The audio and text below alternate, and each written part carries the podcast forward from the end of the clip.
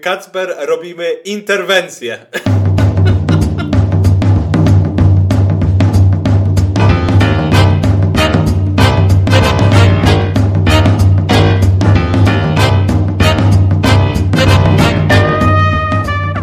Jezus, jak ja lubię, jak mi się na tym, na Facebooku wyświetlają jakieś te proponowane dla ciebie jakieś randomowe grupy, jak na przykład King Cobra, JFS, It is what it is, regard posting. I kurwa zdjęcie, które mam z podpisem You could have it all, My Empire of Death. I jest to zdjęcie. Ja, ja nie wiem. Ale ciekawe skąd ty masz takie algorytmy, Konrad. No nie mam pojęcia. Po tym, co mi wysyłasz na TikToku, to bym się w życiu nie domyślił, że takie rzeczy mogą, No czyli przez ciebie. że mogą ci wyskakiwać. Dobrze, ale nie o TikToku dzisiaj. Dzisiaj będziemy rozmawiać o giereczkach w 61. odcinku Trójkastu, który poprowadzą dla was Kacper Cembrowski, Elo, yo. Konrad Noga Yo, hello. i moja skromna osoba, czyli Kuba Smolak. Dobry wieczór Państwu, dobry wieczór Panom, redaktorom. Zanim przejdziemy do mięska, zanim przejdziemy do treści, chcielibyśmy podziękować naszym wspaniałym patronom, których przybyło od groma. Po, zawsze będę o tym wspominał. Braworowej akcji marketingowej, Kacpra. Patroni też o tym wiedzą, jakie to było epickie wydarzenie, prawda, na naszym Discordzie. Tam tylko się mogą takie rzeczy dziać, także też serdecznie zapraszamy na Discorda. Link z zaproszeniem w opisie.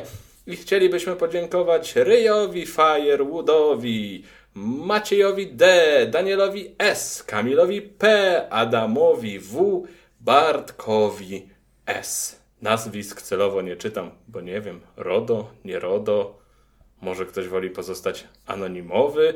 Mm, Jak na przykład ktoś by chciał być czytany w inny sposób, to też może się do nas odezwać albo mailowo, albo na Discordzie i też sobie to tam zaktualizujemy. I są jeszcze jedne specjalne pozdrowienia dla Marcina. Bo tutaj w ramach Ja- tego progu wsparcia nieco wyższego są takie pozdrowienia personalizowane, które w tym epizodzie przygotował Konrad. Ja się już boję, ja się już boję, co to będzie. Nie, nie. Ja, y, ponieważ ostatnio gram w Doki Doki Literature Club i, i tam się układa wier, wiersze, to ja też postanowiłem taką swoją romantyczną, poetycką duszę uzewnętrznić y, tutaj dla wszystkich. Z dedykacją dla Marcina właśnie ułożyłem wiersz. Jezu, to chyba aż ja zacznę wpłacać na tego patrona, jak są takie rary. Wie, warto, na pewno warto. No nie zasz... O, kurczę, no. Wiersz. Inaczej, czekaj, w szkole inaczej. Ale to jest autorski, prawda? E, Tak, No to musisz- autorski, musisz. także najpierw, na, ja to wycytuję, naj, najpierw oczywiście autor, tytuł i wtedy em, deklamujemy, także Konrad Noga, Marcin. Na górze jeże, na dole fiołki, Marcina kochamy jak małe diabołki, żebyś żył długo, zdrowo i cudno, bez ciebie w życiu byłoby nudno. Dziękuję. Pięknie. Pięknie, pięknie, pięknie. Coś wspaniałego. Kacper, ja myślę, że ty możesz to wykorzystać do swoich kolejnych brawurowych akcji marketingowych. To, to ma potencjał, to ma potencjał, prawda? Zdecydowanie. Zdecydowanie. tak. Zdecydowanie. No dobrze, to jeszcze raz bardzo Wam dziękujemy. No i jak zawsze, nie zmieniajcie się, dalej nas wspierajcie, nam jest bardzo miło. Z tego powodu nowych patronów zapraszamy, zapraszamy na Discorda, zapraszamy na wszystkie nasze socjalki, no i na TikToka też, tam się sporo dzieje. Ym, Ludzie powiadają, że memy nie są najgorsze. Także ja gorąco polecam wpaść, pooglądać nasze giereczkowe memy na TikToku. Można się uśmiać po pachy, że ho, ho, ho, ho. No i co? I wla- wlatuje słój, prawda? Tak jest. Wylatuje. Właśnie, się, właśnie czekałem, czekałem, bo chyba teraz to już się stanie swojego rodzaju tradycją. Już czek, czekał na to, bo go już umiera, kurwa, siedzi że, że z żart tym o, o słoju w Smolaku musi się pojawić Na tym po słoju. prostu. To jest, to jest, to jest pe pewne. Y, W ogóle sporo tematów w tym tygodniu doszło. mm, z różnych źródeł, nie tylko od Kamila, co ciekawe, z różnych źródeł przyszło sporo tematów. No i też zachęcamy, żeby e, dodawać swoje. Jak macie pomysł na jakiś temat pod taką dyskusję ogólną, której byśmy się mogli podjąć, no to możecie napisać w komentarzu pod odcinkiem, czy na Spotify, czy na YouTubie, yy, czy właśnie też na naszym Discordzie. A... Ja myślę, że warto podziękować za te tematy do słoja, także um, tak, tak powiem, że dziękujemy za tematy do słoja. Dziękujemy właśnie nie tylko Kamilowi, ale też Podrybanowi. o, dobrze. Mm. Nie zgadnę, czy to temat Kamila? Nie, nie, to nie jest Nie, temat. podrybana. To nie, jest, to nie jest temat Kamila i co ciekawe, wy nawet nie wiecie, że ten temat się pojawił w Słoiku. E, bo on do mnie przyszedł drogą prywatną. Pocztą. Pocztą, tak, kartką. E, czekaj, jak to się kiedyś mówiło? Mm, na skrzynkę pocztową z dopiskiem, prawda? Trójka z podcast. Dobrze, moi mili. Kurczę, miałem się na to przygotować i się nie przygotowałem. Najlepsza gra. Jedyny wiedział. Z bardzo złym tytułem. O. O, prawda? Dobra gra z bardzo złym tytułem. No i co? I szare komórki pracują, wszystko się tam kręci, kręci, kręci. I, i co wam przychodzi do głowy? Oczywiście z... po pierwszą odpowiedź udam się do naszej chodzącej growej encyklopedii. Konradzie.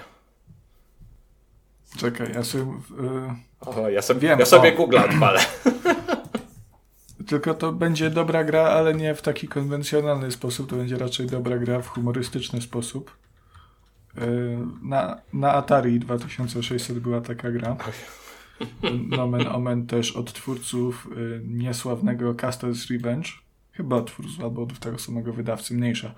E, I ona miała tytuł, już mówiłem o niej kiedyś, Beat Em and Eat Em. Beat Em. Czy to coś o zombiakach? To coś nie, o penisie. Nie, bo to, to było tak, że się chodziło taką gołą panią, która była na dole i na, u góry na y, murze był taki chłop i o, z, z, tym, no i to tam jakby, to sobie poproszę po tytule dopowiedzieć. Ale jeżeli to była gra z Atari i ty widziałeś, że tam jest jakaś pani, tam jest jakiś chłop i w ogóle nie pikselowe ludziki, no to, to tak. No to teraz ty się pochwal. nie, ja jestem, ja jestem ostatni, ja ciągle googluję. Nie, nie, Kacper! Ty, nie, nie, nie, ty, to jest oszustwo, ty jedyny miałeś okazję się A kto musi ze słojem obcować cały czas non-stop 24 na dobę? Spokojnie. się zobaczę na swoją półkę. Ja y, jestem przygotowany. Um, była taka gra na Nintendo DS w 2005 roku, pamiętam jak w nią grałem. Nazywa się Touch Dick ale y, Deeds y, się kończy na C, nie ma dopisku czy to jest, K. Czy to jest jedna z, Na jaką platformę jeszcze raz? Na Nintendo DS. Na Nintendo, czy to jest...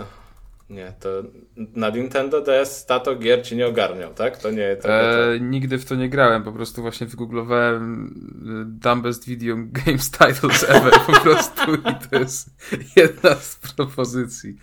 Eee, więc... Ja pierdolę, jaki ja głupi jestem. Przepraszam, że się wetnę, no ale to Anal Wake przecież. Ana.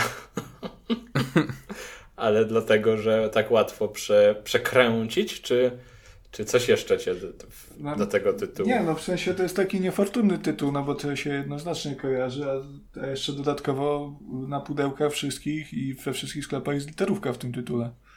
A gra jest bardzo dobra. Dobrze, dobrze. W tę Jeju, szczerze to jest strasznie, strasznie trudne pytanie. No nie chcę teraz dalej szukać czegoś nie wiadomo czego, skoro nawet w te gry nie grałem. Jedynie co to... Yy, pamiętam, że zawsze jak byłem młodszy, to się bardzo śmiałem z Saints Row, ponieważ yy, Święty Rów, Święta Dupa, haha. Ale to jest jedyne, co mi teraz przychodzi do głowy i to jest dosyć kiepski przykład, także w ogólnym rozrachunku raczej chyba e, nie, nie jestem w stanie w zadowalający sposób odpowiedzieć na to pytanie, obawiam się. No ja właśnie mam trochę dziurę w mózgu, bo automatycznie przychodzą mi do głowy te tytuły gdzieś tam stopek tych najgorszych tytułów, czyli e, Far Cry, Tomb Raider, prawda? To są takie zawsze, że, że jak się jeszcze je przetłumaczy na polski, to już jest no tak, w ogóle tak. tragedia. Far Cry, i... Far Cry to pod tym względem zawsze było, jak, jak zacząłem sobie, nie wiem, miałem 13 lat i stwierdziłem, że hej, to coś znaczy, i chcę się dowiedzieć co to znaczy i ja sobie to tłumaczyłem, to byłem bardzo, bardzo zszokowany.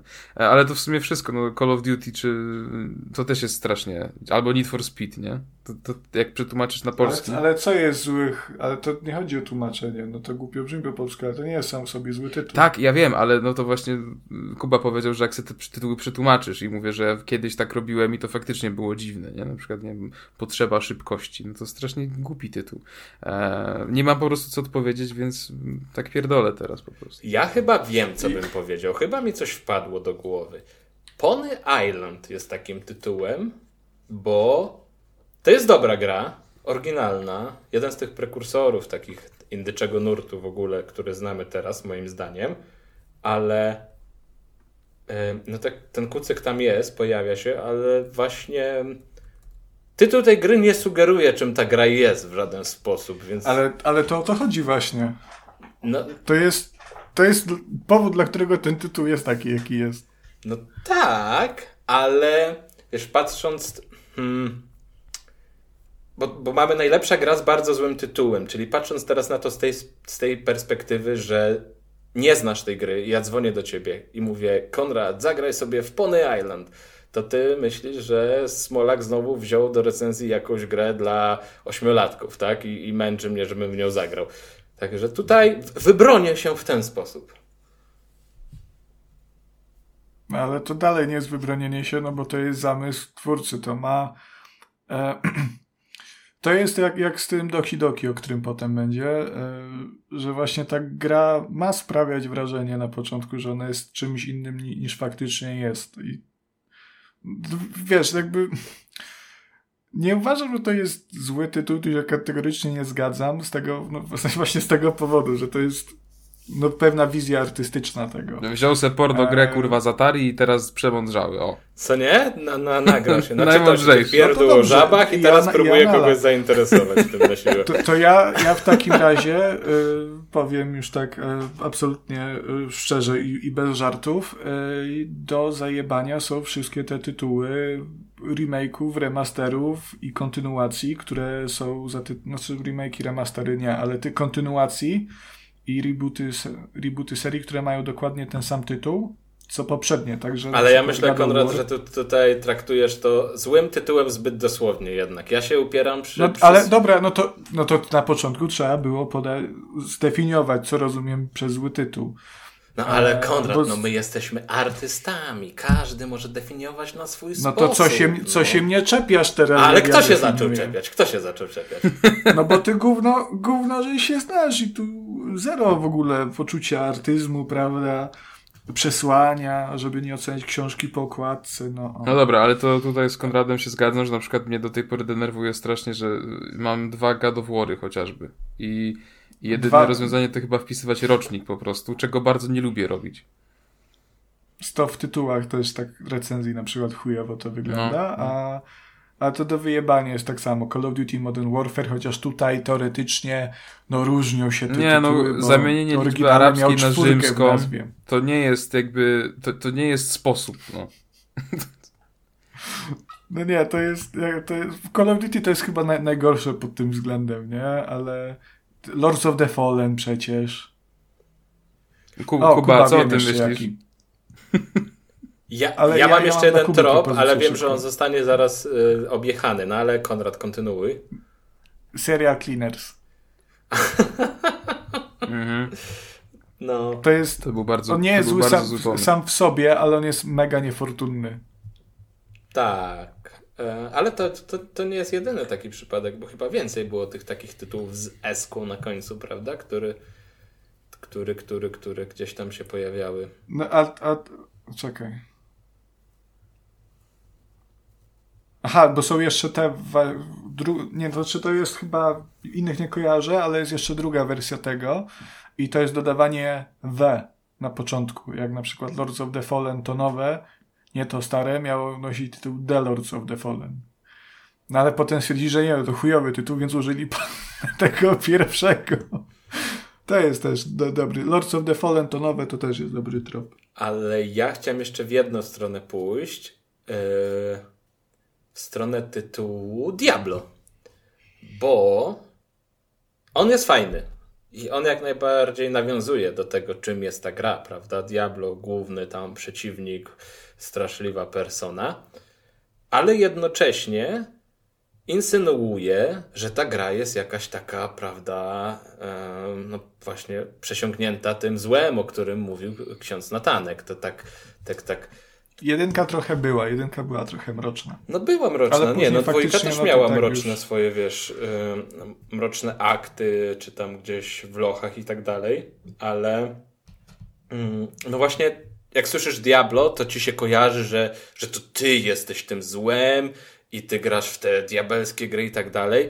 A przecież my w Diablo gramy tym, tym dobrym, tym, który stara się to zło pokonać, powstrzymać i ubić tego Diablo, czego tytuł w ogóle nie sugeruje. Atari miało dużo takich gier, które były spoko, ale miały mega chujowe tytuły. W sensie to był problem, bo jakby te, te, tytułowanie tych gier wtedy by nie było innych było mega proste, więc powstawały takie gry jak na przykład Adventure, czyli przygoda po prostu. Albo było combat, czyli y, walka. To jest trochę tak, jak wiesz, jak zaklepywanie ników, jak zakładasz nowe konto w grze, że normalnie byś sobie wpisał Konrad, ale teraz ci wyskoczy, że Konrad jest już zajęte. To wymyślisz tam e, Kid Lover 69, prawda? Na, na takiej Co ty zasadzie. kurwa mówisz? Nie, przepraszam, to był Little Kid Lover chyba. Z The Office to jest nawiązanie. To... A nie, no to nie, to duża różnica. Kuba. Ja, to, nie jest... to chyba nawet gorzej. Ja chciałem, ja chciałem dopowiedzieć to stereotypowe Pussy Destroyer, ale ty po prostu chyba lepiej wymyśliłeś, nie? Ale to jest, proszę ja was, z The Office. Michael zakładał, dobra. zakładał konto na portalu randkowym i chciał stworzyć sobie taki nick, żeby potencjalne panie podejrzewały, że on byłby doskonałym ojcem i taką osobą godną zaufania i tak dalej, więc wymyślił chyba właśnie Little Kid Lover. Także. Mm, ja bym jeszcze dorzucił wszystkie gry z serii Anno. E, Warhammery wszystkie tak samo można dorzucić, że każdy Warhammer ma Warhammer w nazwie, to się wszystko zlewa, wiesz, w kupę. W ogóle te Warhammerowe mm. tytuły są takie... Mm, no, takie jak od no, jak, jak, się śmia jak się śmiałem kiedyś, to jeszcze na pierwszym wośpowym odcinku, e, jak się śmiałem, że wszystko brzmi tak samo i, i jest tą samą grą, no to, to nie, nie, nie, nie, co ty pierdolisz, kurwa, ty. Zajebiste. Tylko krowa nie zmienia zdania. Nie wiem, chyba, chyba tyle tak naprawdę z takich. No bo to już się trzeba dopatrywać. Moglibyśmy uderzyć tak naprawdę w kierunku Japonii. Oj, tam to nie nadążysz. Bo nie, w sumie no te, to jest taki dobry trop, nie? Te Dragon, Dragon Questy z tymi tam F w nazwach, jakimiś tymi X-ami a te wszystkie jakieś Dragon Ball i to, te, jakie to ma tytuły, to jest jakaś masakra tam, e, nie do odczytania po prostu. A kojarzycie może grę z jakimś takim okrutnie trudnym do wymówienia tytułem? Przychodzi wam coś teraz do głowy, że jest po prostu taki e, no, łamacz językowy? Tomb Raider. Tomb Raider. Właśnie mi nie przychodzi chyba. Kangurek Kao. No to ciekawe, Kacper wyciągnąłeś. to mi się podoba. O, tu ciekawa ten, bo tak jeszcze przeglądam swoje konto na, na Steam. Drug Dealer Simulator. To też może być zły tytuł. Mm. Może nie być, o, nie, może nie być wyświetleń pod tym filmem na YouTubie.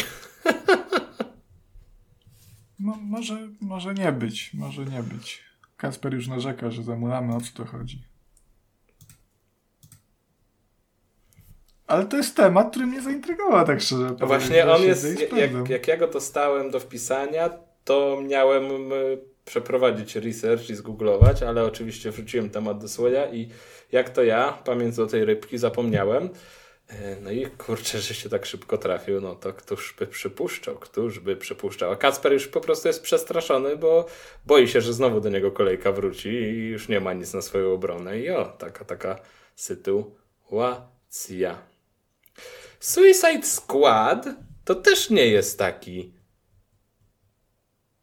dobry tytuł, prawda? No z pewnością nie jest to tytuł dobry pod algorytmy google'owe, e, a szczególnie jeśli dopiszesz do tego jeszcze śmierć Lidze Sprawiedliwości. To jest w ogóle bardzo śmieszne, ponieważ naprawdę e, jeśli chodzi o te wszystkie googlowskie wymagania i tak dalej, tych algorytmy, no to generalnie coś, co ma w sobie samobójstwo oraz śmierć, E, może się średnio wpasować w, w gusta wielkiego G.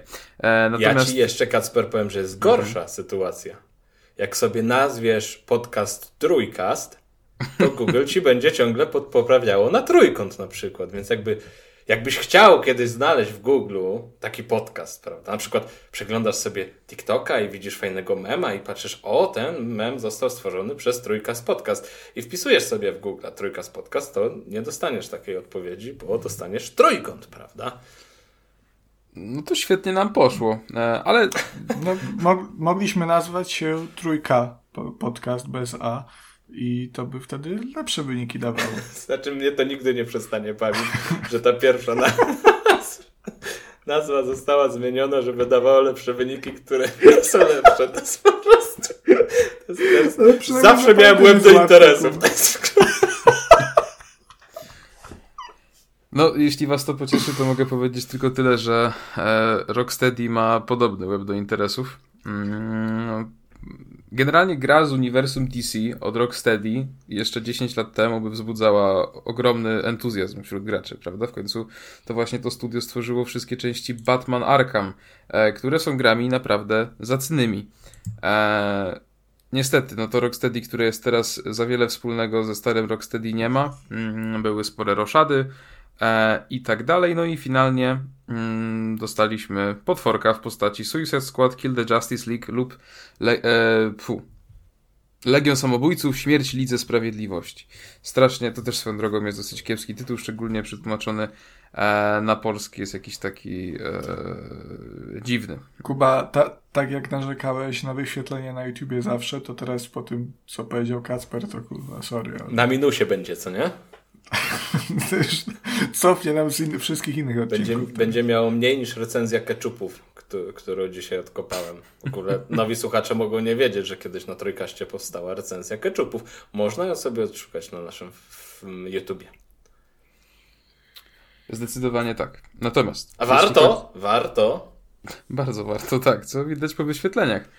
E, jeśli chodzi jednak o Legę Samobójców, no to Suicide Squad możecie chyba kojarzyć z kin, ponieważ były już dwa filmy na wielkim ekranie. Swoją drogą pierwszy był Suicide Squad, drugi był The Suicide Squad, także e, też to fajnie e, wymyślili. W grze mamy do czynienia z nieco pozmienioną ekipą, ponieważ w skład w niej wchodzi Harley Quinn, czyli ten najważniejszy ogniwo jest, a poza nim mamy Deadshota, mamy Boomeranga i King Sharka. A Davidsona nie ma? Proszę? A Davidsona nie ma? E, chyba nie zrozumiałem żartu. No bo, no bo Harley jest. A, Harley, dobra. E, nie. To się, nie, musi to się musi uleżeć. Nie, nie, nie jeździłem motocyklem. Ja się idę przejść, chłopaki. Boże, to było tak pokrętne, że nawet nie, nie, nie w ogóle, ale szanuję. E, trzeba na początku przyznać, że Suicide Squad można było rozpatrywać jako jedną z największych premier tego roku i, i to naprawdę zapowiadało się świetnie, zresztą wszystkie trailery były aż za dobre. I to był właśnie mój największy w ogóle problem z tymi zwiastunami, że one były aż za dobre, one wyglądały tak jakby Rocksteady chciało z tego zrobić aż za dobrą grę.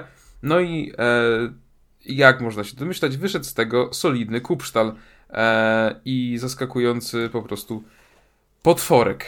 Mm, jeśli chodzi o samą fabułę, bo jej zamysł może być dosyć ciekawy. E, jak możecie się domyślić, zresztą po samym tytule, tutaj role się nieco odwracają. Naszą planetę, e, znaczy no, Ziemię w naszym wymiarze i nie tylko, ale to, to, to, że tak powiem, jest kwestia już poboczna, napada złoczyńca o imieniu czy pseudonimie Brainiac. No i Brainiac po prostu chce zamienić Ziemię w miejsce dla swoich podwładnych, czyli takich po prostu kosmicznych e, stworzeń, e, które są oczywiście złowieszcze. No i żeby łatwiej mu szło przejmowanie całej e, ludzkości, e, postanawia sięgnąć po usługi Legionu, nie, nie Legionu, to jest bez sensu. Lidze, Ligi Sprawiedliwości. Zawsze, cały czas mi się mylą te dwie nazwy.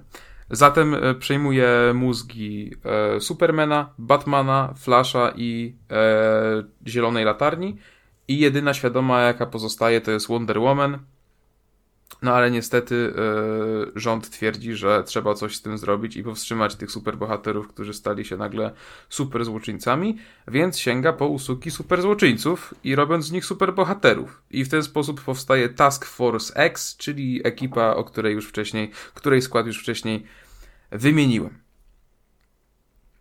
Czy do tej pory wszystko jest jasne i czy macie jakieś pytania?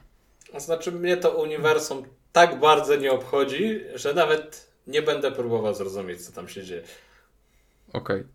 Okay. E, Konrad, słyszę, że jest tak samo podekscytowany. Czy no, spandex, no. Proszę? No, przyszedł zły i jest zły, więc y, ci dobrzy, którzy są jednak źli, muszą być bardziej dobrzy niż tamten jest zły, żeby go ubić, ale... Konrad jest obrażony, bo nie ma motocykla po prostu. No, wkurzyłeś go już na, na samym początku tej No właśnie, jakieś jetpacki, kurwa. Ale... Co kto to wymyślił? Bo jak już wielokrotnie wspominałem, ja nie jestem Marvelowy ani superbohaterski, ale od czasu do czasu, jak gdzieś tam widzę, że ludzie y, hypują się filmami i tak dalej, to próbuję coś obejrzeć. I właśnie, nie wiem, bo wymieniłeś dwa filmy na początku, Suicide Squad i The Suicide Squad. Nie wiem, który oglądałem, ale obejrzałem cały. I no nic była z niego. Harley Quinn? Była. To w obu była, to nie. nie no to, to zajebiście. Ojej, ojej. Dobrze, prosimy o Czy, Czekaj, ja wiem, wiem. Droga, czy, którą, czy był, droga, którą teraz... Czy był największy miłośnik Chin John Cena? Yy, czekaj, chyba... A on gra tego Peacemakera? Tak, no. To był, to był nas pod sam koniec, wydaje mi się. To, to, to w tego, tego lepszego widziałem. Tego lepszego tego może. Od Jamesa Bronini. Ale podoba mi się, jak wcześniej próbowałeś mi mm, pomóc, właśnie tym pytaniem, prawda, pomocniczym, i tak skojarzyłem to z profesją, którą wykonujesz i jak tak pomagasz y, klientom firmy, to, to, to fajnie. Tak. No, słuchaj. No. Tak, Konrad, Konrad jest niezawodny, jeśli chodzi o... Profesjonalizm, no, to, to jestem skromny, no, to nie będę się przechwalał. Eee... No i wracając... Tak tylko powiem, że że y, San Jose to jest zarówno w Stanach Zjednoczonych, jak i na Kostaryce, nie? Także no, kto gdzie poleciał, nie wiem. Są takie przypadki, że ktoś poleciał do złego San Jose? Nie, ale, ale mnie za każdym razem to bawi. I, taki tam branżowy humor. Ale wracając, wracając do tego filmu, jak obejrzałem, jakoś tak oglądałem go w ogóle nie będąc świadomym, co oglądam. Tak, tak mnie to nie interesowało, co tam się dzieje. Ta, te, te... Ja w ogóle nie przepadam za kinem akcji, bo mi się wydaje, że ja już to wszystko widziałem tysiąc razy, te same sceny, tych samych pojedynków, walk, bitew, że... No nie, no to, to, to powiem ci, jak nie lubisz superbohaterów i nie lubisz kina akcji, to fajnie, że sięgasz po superbohaterski, kurwa, film akcji, nie? No bo ludzie się ekscytują i, tak człowiek chciałby, wiesz, no, nie chce być na... Ale, Myślę, ale że może go coś różne... omija, no. To akurat Smolak ma trochę racji i na przykład w przypadku tych superbohaterskich filmów, no one są w cholerę odtwórcze w przeważającej większości.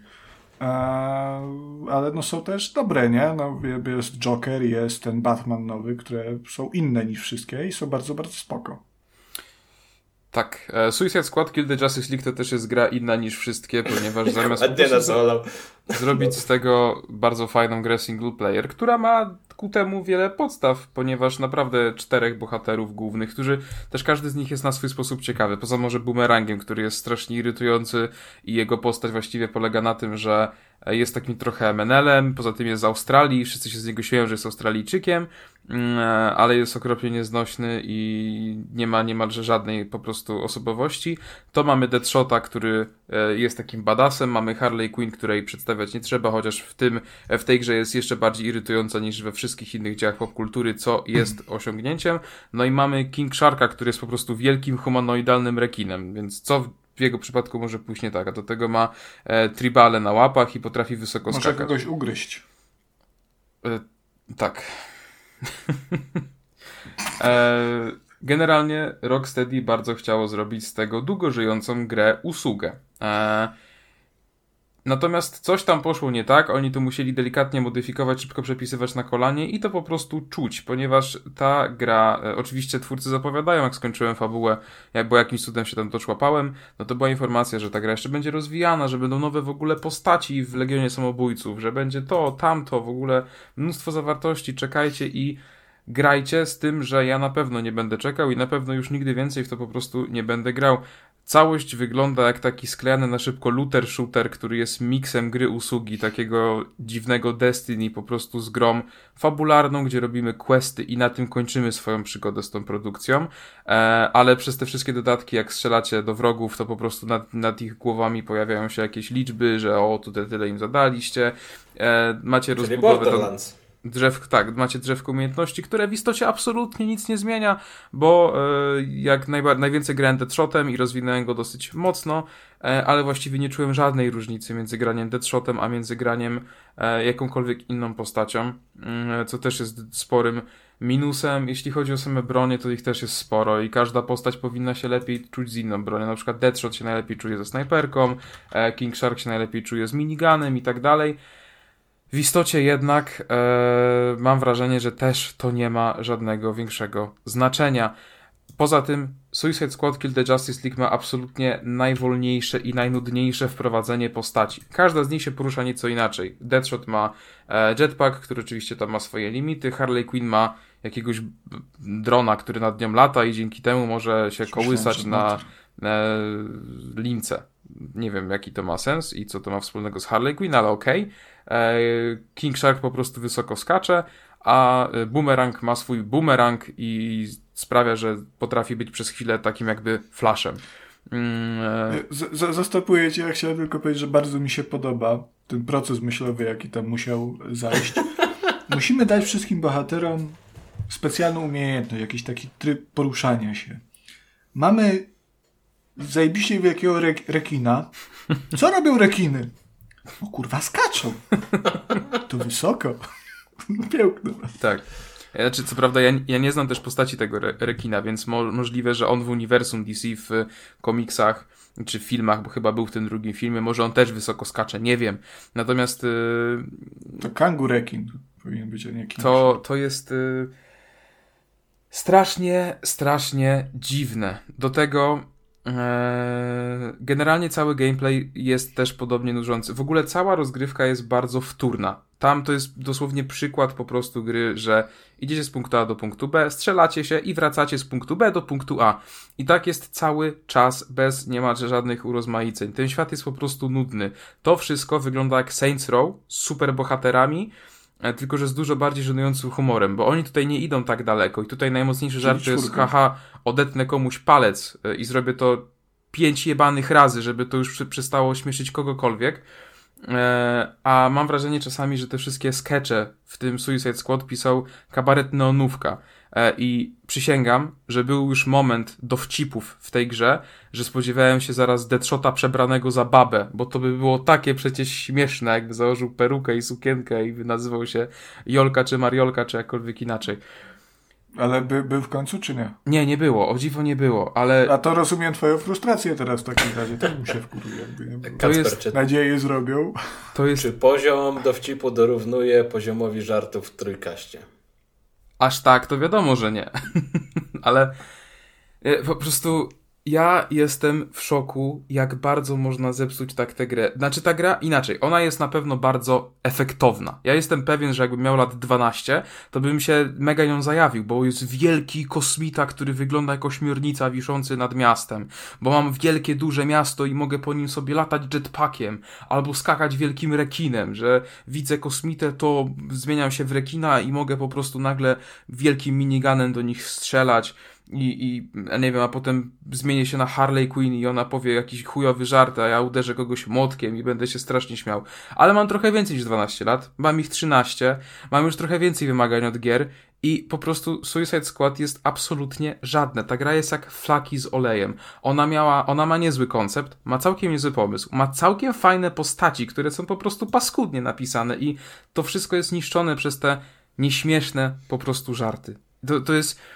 Y Generalnie wiecie, ja w swojej recenzji pisanej na Antywebie, do której też zapraszam, napisałem, nie pamiętam już słowo w słowo, nie chcę mi się teraz tego szukać, ale generalnie Suicide Squad to jest miks wielu pomysłów. Jak na przykład bardzo lubię napić się kawy i bardzo lubię zjeść sobie dobrego, soczystego steka, a do tego na deser na przykład, nie wiem, lubię sobie sernik macza. To jak to wszystko zmieszam, to dostanę kurwa wielkie gówno, którego nie chcę jeść. I Rocksteady właśnie coś takiego mi zrobiło. Wrzuciło wiele dobrych pomysłów do Blendera, zmieszało to i stwierdziło, że jak wszystkie rzeczy pojedynczo są fajne, to całość będzie jeszcze fajniejsza. No, nie jest. Niestety. Ale filozoficznie do tego podszedł, prawda? Taką Starałem się. tutaj zastosował. No, wid, no ja się aż głodny zrobiłem.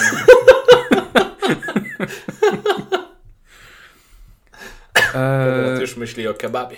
Więc po prostu mówię, no tutaj jest naprawdę bardzo dużo fajnych pomysłów. Eee, Ej, ale tak, tak po tygodniu, yy, kiedy to miało premierę? Więcej niż tydzień temu, ze dwa tygodnie temu, co nie? No, na samym początku lutego, więc powiedzmy dwa tygodnie Jeszcze temu. wyszło w tym okresie w ogóle, który jest napakowany yy, survivalami kooperacyjnymi, których jest od groma i są bardzo, bardzo rozchwytywane. Tutaj mówię o Palworld i Enshrouded no i wyszło jeszcze teraz przecież Helldivers, czyli kolejna gra nastawiona na kooperację. To.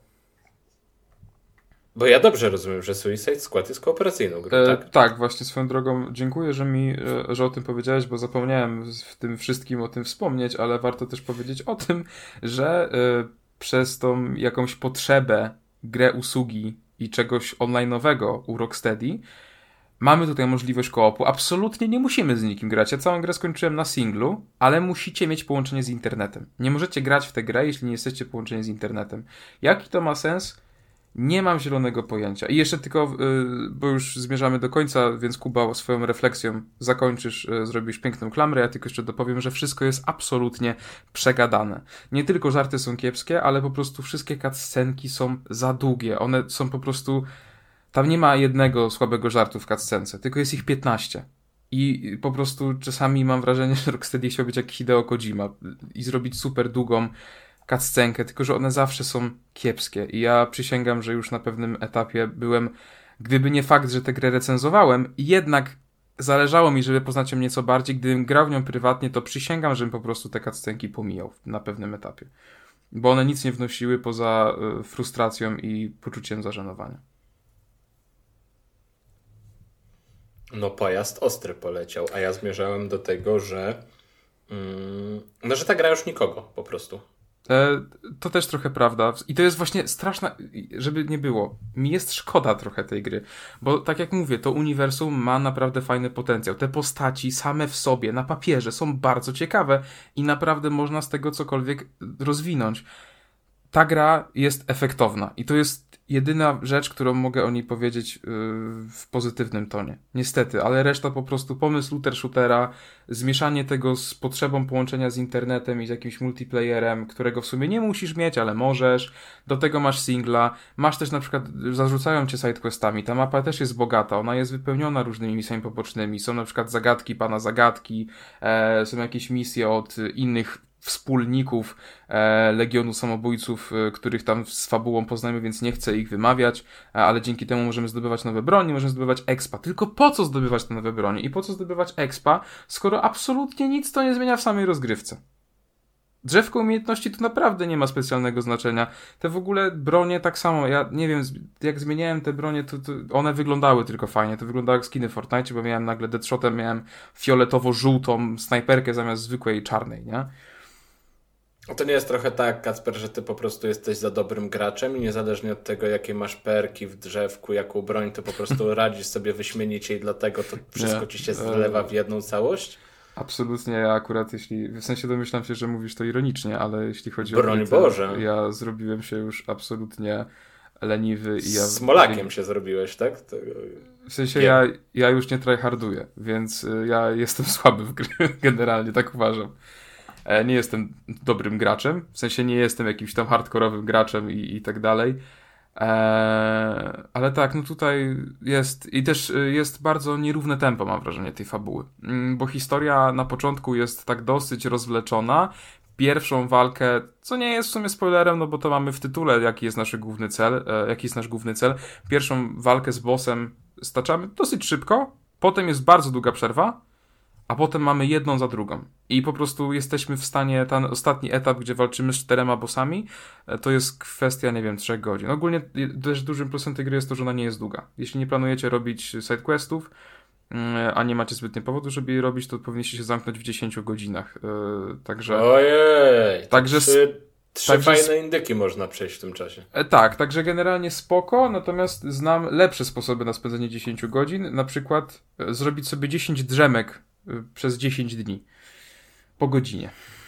Ja jeszcze chciałem wrócić do dwóch rzeczy. Pierwsza, Helldivers, w której już gramy, ale jeszcze nie czujemy się na siłach, zarówno ja, jak i Kacper, żeby o tej grze opowiadać. No bo jednak jest to gra, e, w którą trzeba pograć trochę dłużej i zobaczyć trochę więcej. Myślę, że na ten moment zarówno ty, jak i ja mamy takie dość mieszane uczucia.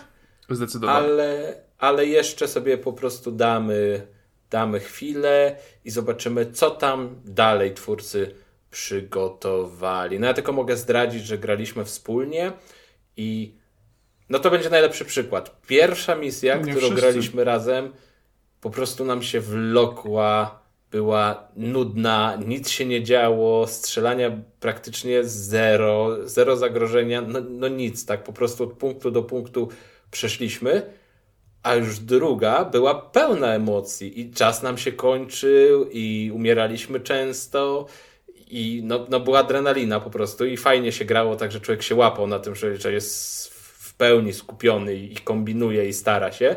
I to właśnie na przestrzeni godziny dwa zupełnie, zupełnie inne doświadczenia. Mm, podejrzewam, Kacper, że ty to podobnie odebrałeś. Tak, całkowicie. Tak, także jeszcze sobie pogramy w Helldivers. no i też na razie jest bardzo źle, jeśli chodzi o sprawy techniczne związane z tą grą, bo jeszcze przedwczoraj dobieranie w ogóle graczy, szybka gra, tryb nie działał. Teraz po wczorajszym update'cie jest trochę lepiej. Trzeba się naklikać, trzeba tam, nie wiem, 5-7 prób, y, zanim cię z kimś połączy. Więc, więc działa jako tako, trochę działa w 20% powiedzmy, ale miejmy nadzieję, że z każdym update'em będzie lepiej, no i też dzięki temu my będziemy mieli trochę inną perspektywę może na, te, na tę grę. E, tak, do, że do Helldivers sobie wrócimy za dwa tygodnie. I ja wiem, Kacper, czego brakuje w Suicide Squad. No, kurczę, strasznie nie chcę psuć tego płynnego przejścia. No to powiedz, czego brakuje. Ale muszę to zrobić tylko, bo jeszcze na koniec y, swojego opowiadania o Legionie Samobójców chciałem serdecznie pozdrowić Podrybana, który e, wiem, że mm, nie będzie pocieszony słuchając tej recenzji, także e, buziaczki wysyłam serdeczne. O, jak miło. E, brakuje. Dziewczynek Czego brakuje? japońskich. Uczennic. Które gdzie są?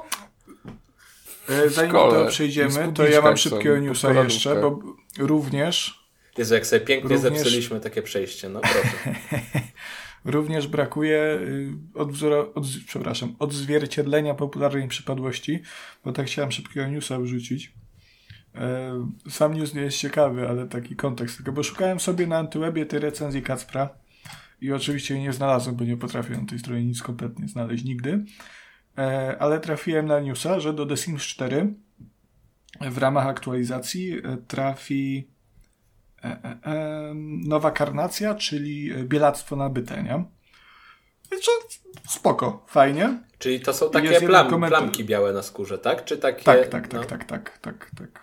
E, plamki albo takie no, już większe połacia tej skóry są e, bez pigmentu. W każdym razie, no to jest ogólnie uważam, że bardzo spoko, no bo czemu nie? E, ale dlaczego o tym wspominam? To, jakby, to nie jest na tyle ciekawy news, żeby tu na podcastie go przytaczać. Ciekawa, ciekawe są komentarze, dokładnie komentarz jeden jest e, właśnie tego newsa i komentarz mówi, że nada. I... Ja, nie, ja nie wiem czemu, ale, no, ale, ale to, dobra. To mówisz tak, jakby cię Polska zaskakiwała. No. No, jakby cię garacze zaskakiwali sami w sobie. No. Konrad, ile ty masz osta- lat? Mnie ostatnio się. Za dużo. A ostatnio mnie zaskakują nie ludzie, a gry. No sięgając po Doki Doki nie wiedziałeś czego się spodziewać. W ogóle kompletnie cię ta gra zaskoczyła, prawda? To znaczy wiedziałem czego się spodziewać i to jest też powód, dla którego e, ta recenzja, czyli recenzja mm, Doki Doki Literature Club w wersji Plus, bo e, bez, wersja bez plusika e, jest w ogóle dostępna za darmo, ale z plusikiem, który tam to jest taka już płatna, wzbogacona wersja o dodatkowe takie historie poboczne. Czyli ten plus nie jest od 18 plus, tak? To jest po prostu taki sobie plus. E, znaczy to, to jest gra 18 plus, nie? No bo to jest mm, raz, że to jest symulator randkowania e, w liceum w ostatniej klasie. Tam na początku jest pokazana plansza, że wszystkie bohaterki E, mają lat 18. Ja Natomiast... mam nadzieję, e, że ja tylko dożyję momentu, w którym Konrad zacznie przechodzić kryzys wieku średniego, bo to będzie w cholerę ciekawe. To be... Wow, to czekam. Op Opel Corsa w Cabrio.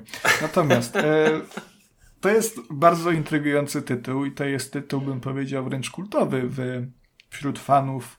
W pewnych kręgach, e, tak wśród, wśród fanów powieści wizualnych i pewnego gatunku, którego nie chcę zdradzać, bo właśnie głowiłem się nad tym, jak podejść do tej recenzji, jak opowiedzieć o tej grze, żeby zachęcić do zagrania w nią, bo to jest bardzo dobra produkcja, ale jednocześnie nie zdradzić tego, dlaczego ona jest tak ciekawa, bo kiedy. Kurwa, bo to jest ten problem, że jeżeli już się wie dlaczego, to trochę te, te doznania, kurwa, to źle brzmi, ale te, te doświadczenia płynące z tej gry, może tak, e, są trochę słabsze. Także e, moja propozycja na tę recenzję jest taka, podzielę ją sobie na e, dwie części. Najpierw opowiem o niej jak najbardziej ogólnikowo, bez zdradzenia, co tam w niej głęboko drzemie, przynajmniej tak bezpośrednio. E, a potem przeczytam jakiś szybki wierszyk i jak ktoś będzie chciał się dowiedzieć więcej, no to wtedy powiem dokładnie, co tam się dzieje, że tam jest, że to jest tak ciekawe. W sensie bez spoilerów żadnych. E, natomiast no ogólnie, jeżeli chodzi o, o pewne motywy. Mm, bo ten tytuł to jest symulator randkowania tak naprawdę tylko z nazwy. To w rzeczywistości jest dekonstrukcja symulatorów randkowania. Pozwolę sobie zabrzmieć, powiedzmy, że mądrze. E, no bo rozpoczyna się ta gra e, jak każdy symulator randkowania japoński w zasadzie. E, oczywiście wszystko jest utrzymane w stylistyce anime, jest kolorowo, przygrywa w menusach i w trakcie samych dialogów Czy, yy, skoczna, wesoła melodyjka. Czy to jest ta gra, gdzie... No, proszę. No i to wytnę. E... Dlaczego? No ja się serio pytam.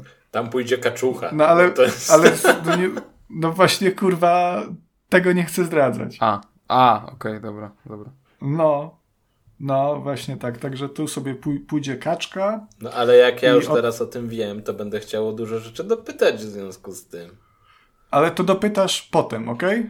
Po tym. Dobrze. Po wierszyku i wtedy sobie dopytasz. E, Natomiast sama gra, ona, mówię, zaczyna się jak każdy inny symulator randkowania. Jesteśmy e, w Japonii najprawdopodobniej, bo to też nie jest e, zbytnio doprecyzowane, natomiast no, wszystkie, większość tych bohaterek ma japońskie e, imiona i to jest stylistyka anime, więc trochę się rozumie samo przez się tak naprawdę. No, gdzie jesteśmy sobie uczniem, prawda, 18-letnim, no i w szkole nasza koleżanka nas zaprasza do tego tytułowego klubu książki, gdzie jak się okazuje, no są same dziewczyny, cztery, e, cztery dziewczyny, prawda, więc już tutaj bohater już e, w zasadzie tak jak stoi, jak to zobaczył, to te wszystkie ławki, które przed nim stały, to poprzewracał z ekscytacji i no, będzie, będzie czytane i, i, i prawda, zgłębiane będą te znajomości. No i faktycznie tak się dzieje e, przez te pierwsze, nie wiem, godzinkę, jakoś, jakoś tak, e, półtorej może, bo to jest taka pozycja, jednorazowe przejście na 4-5 godzin może, to przez taką pierwszą godzinkę, może tam dwie, no to faktycznie e, to jest tak, leci dzień za dniem, rozmawiamy sobie z tymi dziewczynami, e, piszemy wierszyki, tam jest mechanika taka dobierania słów i w, zależności jakie te wierszyki napiszemy, e, no to różnie podczas odczytywania, no bo jest taka aktywność grupowa, różne dziewczyny różnie zareagują. Jeżeli jak, jakaś tematyka im się mm, podoba, no to będą podekscytowane, E, i to będzie prowadziło, prowadziło do takiego zacieśniania tej relacji, pójścia jej w takim bardziej romantycznym kierunku. E, I tu też warto od razu powiedzieć, że to nie jest absolutnie gra, w której jakiekolwiek cimci-rimcim e, by było. Nie, to jest po prostu takie romantyczne zgłębianie tej relacji dwojga młodych ludzi. Mm, czytanie wspólnych książek, prawda, jakieś tam no, rozmowy po prostu i to tak sobie leci e, switaśnie, wręcz jest troszkę tak, tak nudno, no bo to też nie jest produkcja, która by miała te dialogi jakoś napisane w taki sposób um, arcyciekawy. Jak się w to na początku gra, to się wydaje wręcz, że to jest no trochę takie nudne. E, natomiast w pewnym momencie wchodzą e, już trochę cięższe tematy i pojawia się jakiś tam wątek e, depresji, różnych takich, takich motywów, które w trakcie gry zgłębiamy. No i potem się robi też coraz mrocznie, więc to nie jest, nie, nie jest gra, w którą e, no, gra się dla samego randkowania, raczej do zgłębiania tych motywów. Jakie to są dokładnie, powiem mm, później.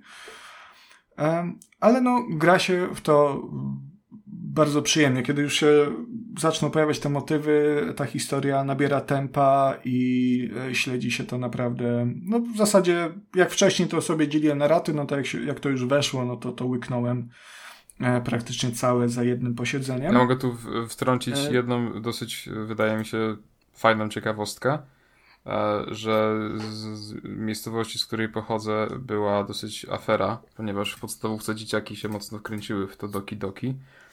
E, I po prostu zaczęli o tym gadać bardzo i tam się generalnie grać to namiętnie, robić tam wszystkie jakieś zakończenia, etc. E, no i to dotarło w końcu do nauczycieli, dyrekcji i tak dalej. I jak e, dyrekcja zobaczyła, co to jest, to tam organizowała w ogóle jakiś apel i zakazali, zakazali grać to dzieciakom. Więc to jest chyba potwierdzenie dobre tych słów, że no nie jest to zwykły taki japoński e, symulator randkowania. Symulator. Tak, w sensie ogólnie y, ja znam mniej więcej koncepcję i mnie ta gra ciekawi, myślę, że kiedyś się tam poklikam w nią. Natomiast fakt faktem, że e, to też ma trochę dwie strony, no też wiem, że była swego momentu bardzo popularna w sieci i dużo youtuberów takich większych w nią grało, no przez ten twist, on jest tutaj bardzo ważny i tak dalej. E, no ale jednak jeśli dzieci mają 11-12 lat i grają w to, bo im się wydaje to fajną light novelką, a też w tym, w tym wieku dzieci często łapią zajawkę na japońską popkulturę, zresztą sam w tym wieku gdzieś tam zacząłem się tym interesować, e, no to ten e, plot twist może płatać figle w głowie, nie? Więc to jest... Um... Tak, to zdecydowanie nie, nie jest gra dla dzieci, ani też bym powiedział osób, które mm, mają trochę słabsze nerwy. Mm -hmm, e, mm -hmm. Tak bym to ujął. E, Głupio ci kurwa ona, Kuba ona, teraz, ona, co? Głupio, przyznaj. Ona... Znaczy, ja mam taki strasznie tutaj potężny dysonans poznawczy, bo z jednej strony was słucham, z drugiej lecą mi tutaj w tle po prostu e, screeny na Steamie i, i fragmenty trailera tej gry. No, I, no ale, ale i tak wa- słucham, wa- jakbym o dwóch różnych rzeczach, dwóch różnych światach, dwóch e, różnych grach. Ale, ale właśnie to jest, to jest to, to jest ten sam motyw jak, jak w Pony Island, że ta gra nie jest y, tym, czym y, wydaje się być na początku. Ona, mówię, uderza w bardzo mocne tematy, y, ale też w bardzo ważne tematy, bym powiedział. No, wspomniałem o depresji. Em, I wiesz, no na przykład w ogóle przesłaniem tej gry, nie? Ona, ona ma przesłanie i ona, to ona nie jest może jakieś bardzo e, takie, nie wiem, powiedziałbym mm, jakieś turbo ambitne czy coś, no ale je, jest, jest ważne i mimo wszystko no dość tu fajnie wybrzmiewa w tej grze. Tylko Eee, powiem ci od razu, że nie podoba mi się to właśnie z tej spe- perspektywy, w jaki sposób ta gra jest reklamowana, bo i sprzedawana w gruncie rzeczy, bo wchodząc na stronę Steam tej gry jako produktu, fakt jest tutaj notka, że Nie mów, nie mów co mówi. W sensie, Nie, jakby, że nie jeżeli jest- to by miał być spoiler, że- co do zawartości, to bym Nie, prosił, nie, nie no. do zawartości, że nie jest odpowiednia dla dzieci i tych, co właśnie, i osób, które mogą się tam łatwo, prawda, że wrażliwe są, no ale nie podaje powodu, bo to, że nie jest odpowiednia dla dzieci, no to może ci przyjść do głowy po zobaczeniu pierwszego screena. No, raczej widzisz te nagość. dziewczynki, które mają wyeksponowane biusty i krótkie spódniczki. Czy nie mają wyeksponowanych biustów, No- po prostu mają biusty, Kuba. No, No, one są, są ubrane w mundurki. umówmy się, umówmy. Nie, nie, tutaj... Gdzie tam masz dobra, wyeksponowane? No nie chodzi mi, że są na wierzchu, ale są wyraźnie podkreślone, no bo to jest anime i to jest ta kreska, która skupia się na Wiecie, tym. To nie jest naturalne w jakiś Jakby z, z Kuba, kobiety biedy. mają piersi, Z tak? tym to pół biedy naturalnie, bardziej, bardziej zgadzam się z Kubą tutaj, że po prostu ja też uważam, ja mam też największy problem z tą grą, ja ogólnie mi się ten zamysł podoba i to jest spoko, no ale po tej aferze w szkole, ja faktycznie zgadzam się z tym, że ona jest absolutnie po prostu źle sprzedawana, tam powinny być informacje, e, tam przede wszystkim w samej grze powinien być zabieg podobny jak w najnowszym tym krótkim Silent Hillu, e, po prostu, nie wiem, do tego trzeba podejść nieco ostrożniej, uważam. E, Kacper, jest taki zabieg. E, jak zaczynasz grę, możesz włączyć sobie mm, ostrzeżenia, e, które będą ci mówiły, spoilerują co się wydarzy, ale będą ci e, mówiły, jakie sceny nastąpią i co w nich będzie. Jak na moje to ciągle jest trochę za późno, że już w grze Ja też. Natomiast, też. ale jak, jak, ale jak wejdziesz sobie na, na Steam, no to w, w gatunkach masz napisane, co to jest za gra. Ale pozwólcie, że jeszcze tylko tak skończę i sobie może bardziej o tym porozmawiamy za chwilkę, żeby móc tak sensownie o tym porozmawiać. Um, jakby to przesłanie tej gry, no to jest po prostu, żeby nie oceniać książki po okładce e, i to nie byłoby tak efek efektywne, e, gdyby od razu było sprzedawane, czym ta gra jest tak naprawdę. Mm, jasne, można się na to naciąć, natomiast no mówię, są ostrzeżenia e, na, na Steamie, tam te, też jest na, napisane. E, wiesz, oni ci nie mogą zaspoilerować całej gry, no bo to jest bez sensu, od razu w opisie. No E, tak, natomiast ale to uważam, wiesz, że- nawet ten tak, który tutaj jest, to nie jest spoiler, że to, to nie... Kurwa! Kuba! No, ale to nie jest spoiler. Nie dokładnie. No, Jest, ale właściwie to sobie jest! wytniesz, kaczuszkę dasz. Yy, No to czy... to i tak Kurwa. nie mówi jakiego rodzaju, no po prostu. Dobra, daj mi sekundę skończyć i sobie porozmawiamy już kurwa tak wolno. Jeżeli That's ktoś będzie chciał wiedzieć, czym ta gra jest, to także dobra, tu utnę y, szybki wierszyk, żeby jak ktoś, nie wiem, jedzie samochodem czy coś robi i nie ma przy sobie telefonu, to żeby sobie szybko wyłączył. Zjechał na pobocze oczywiście. Nie wiem, wierszyk dla babci. O. Moja babciu kochana, kiedy wstaniesz dzisiaj z rana, będę przy twym łóżku stała i w policzki całowała, no bo dzisiaj jest dzień babci, poszukam ja twoich kapci, podam śniadanko do łóżka i szepnę wierszyk do łóżka. E, To teraz niech Marcin w komentarzu da znać, który z tych wierszyków by wolał. Także to, co wypikałem wcześniej, kurwa, bo mi dodali roboty, no to jest właśnie to, że ta gra jest horrorem. i to jest napisane na Steamie jako pierwszy punkt. Nie, to nie jest jako pierwszy Tak. punkt. To jest jeden z tagów, który gdzieś jest Popularne sobie... tagi dla tego pr- produktu za każdym razem, No jak na dobra, jest Konrad, ale wiemy jak działają tagi na Steamie i tak, horror psychologiczny nic nie mówi tak No naprawdę. i faktycznie opis dotyczący treści dla dorosłych, producenci opisują te treści w następujący sposób. Samo okale- okaleczenie, samobójstwo, e, sugerowane Kto to, treści kurwa, seksualne. czyta? No to No, nie wiem, no tak jak... Gdzie to no. masz? Ale no, kurwa, ale Kacper, Kuba, Jezus, jest napisane na tym, Ale gdzie- w jaki gdzie sposób gdzie byś chciał, żeby to było reklamowane w takim... No jest, jest no tam, gdzie jest zawsze, w opisach dotyczących treści de, dla dorosłych na Steamie. Przed wymaganiami sprzętowymi. Ja nic takiego nie widzę, chociaż ja mówię o tej darmowej wersji, bez plusa. No ja patrzę właśnie na plusa, no czego? No masz.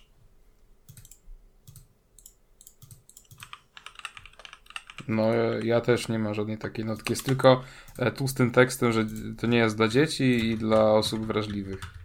Ale, ale Ja sobie nie mam to- tego. to pierwsze. Nie mam w ogóle tego, co ty wysłałeś, że producenci opisują te treści w następujący sposób. Nie mam w ogóle W tej Doki notki. Doki Plus Dobra, to jest. okej. W Doki Doki Plus to, mam tę notkę. To tu się, Ale w tym tu się zgodzę darmowym, w takim razie. w tym darmowym, które Eee. jest dużo bardziej popularniejsze, co widać chociażby po recenzjach, które otrzymało na Steam, nie ma takich rzeczy. E, To okej, tutaj się w takim razie zgodzę. To powinno być wyszczególnione w e, treściach, właśnie w tej notce.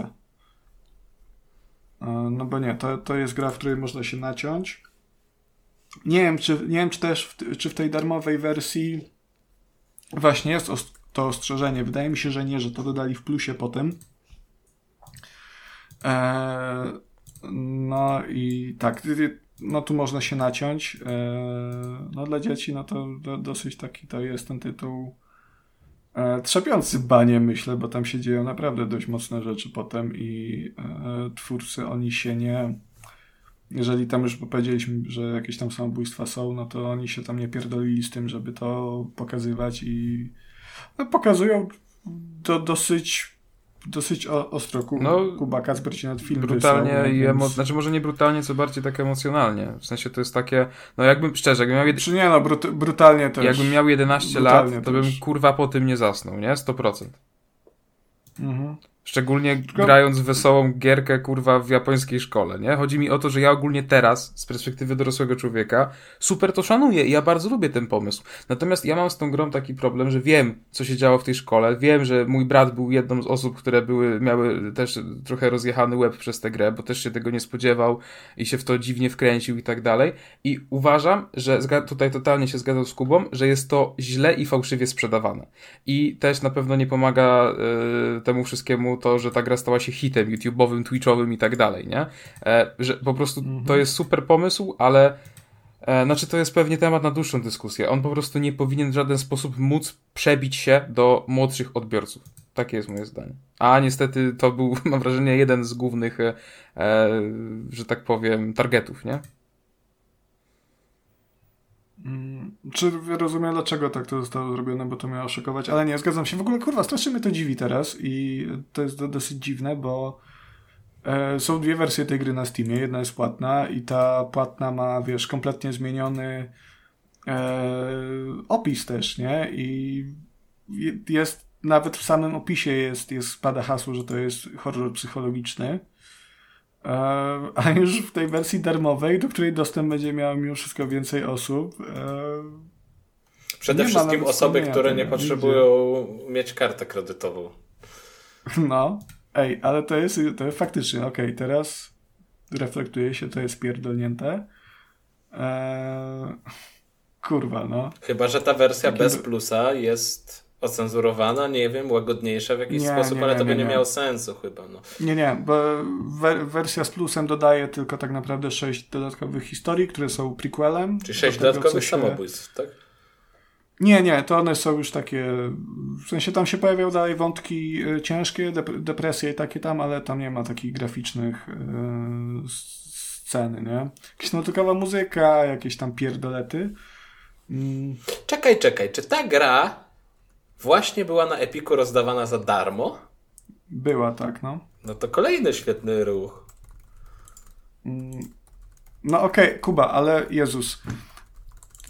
Czepiamy się tego, jak gra była reklamowana i rozdawana była ta w wersji plus. Nie, niech zobaczę na Epika, jak tam wyglądało to oznaczenie tego wszystkiego. Problemem jest ta darmowa wersja i ona albo powinna zniknąć tak naprawdę, albo powinni przerobić ten, e, ten opis. No bo jak dla mnie, jeżeli chodzi o tą wersję plus, ona jest jak, jak najbardziej ok opisana i tu bym się nie przyczepił do niczego. Mm, ale jak to wygląda na, na Epiku, jestem ciekaw. Nie, no to na, na tym jest, jest tak samo opisane. Poza tym, że nie ma tej notki o tym, co tam jest dokładnie. Ale to też jest w samej grze. Także... No, ale już tutaj faktycznie Tylko, wiesz, wiesz pierwsze, wchodzimy... pierwsze zdanie jest, że to jest. Wchodzimy, wchodzimy też tutaj w taką, w taką dyskusję. Ja rozumiem, że dla dzieci to jest. no to nie jest gra dla dzieci, natomiast no to, to trochę tutaj momentami Kacper brzmisz e, jak, jak, ludzie krzyczący, że gry uczą zabijać. Nie, no e, wiadomo, e, że hasło, o to mi chodzi, nie? No wiem, wiem, nie? Ale, ale wiesz, też hasło, że to było na Epico za darmo i to, i to jest świetny pomysł. A to nie ja powiedziałem. No to w momencie, kiedy... No to Kuba, no to, to jasne. Zwracam honor. E, to w przypadku, kiedy na Epiku za darmo było rozdawane GTA 5 i absolutnie zero problemów z tym było, gdzie GTA 5 no to też jest gra do 18 lat z cyckami i Znaczy nie, no rozdawanie to nie jest problem. No, problem jest po prostu to, jak to jest sprzedawane. No, tak uważam. W sensie, no kurczę, ja mówię, ja, ja trochę jestem tak pomiędzy, bo ja naprawdę szanuję ten pomysł, ja lubię ten koncept i właśnie ten twist jest najlepszy absolutnie w tej grze. Tylko, że po prostu jakby za mało to jest cechowane, no bo na, mamy przykład Kuby, który nie znał w ogóle Doki Doki wcześniej i do jeszcze przed chwilą myślał, że to jest po prostu zwykła y, kolejna porno light novelka, w którą Konrad grał i, i tatuował plecki dziewczynek, nie? a okazuje się, że nie. Myślałem sobie typowy Konrad, a to nie jest typowy Konrad, no. no, także nie, nie, to, to, to jest... No co to mówię, jest, ja teraz e... też jestem w strasznym rozkroku, bo wszystkie, wszystkie te zarzuty, one pasują do tej pierwotnej wersji, która wciąż Tak, tak, ja myślę, że o to, się, o to się rozbiliśmy tutaj, więc jeżeli mm. to jest, wiesz, opisane i oznaczone, to jak najbardziej ok, szczególnie też, że chyba Steam ma taką swoją wewnętrzną blokadę, że jak twoje konto nie jest 18+, to na dane tytuły po prostu nie, nie wejdziesz, tak? tak? Tak mi się wydaje, że jest coś takiego. E, tak, tak, tak. Więc tak. to Ale też jest wiesz, no to jest, to, to jest tak jak, jak e, z Pornhubem i pytaniem, czy jesteś kurwa dorosły, czy masz więcej niż 18 lat. Tak. Yy, nie, nie, nie wiem, czy. No bo jednak Steam to masz swoje konto założone, prawda? Czyli tam są te nawet. Ale nie podajesz dowodu. No nie, ale masz funkcje rodzicielskie, których jeżeli ktoś dziecku Steama założy, no to i o to się też to rozbija, tak naprawdę, że jednak rodzice powinni być świadomi tego, w co grają. Ja wiem, że to jest trudne, wręcz niewykonalne, nie? W kiedy każdy ma smartfona.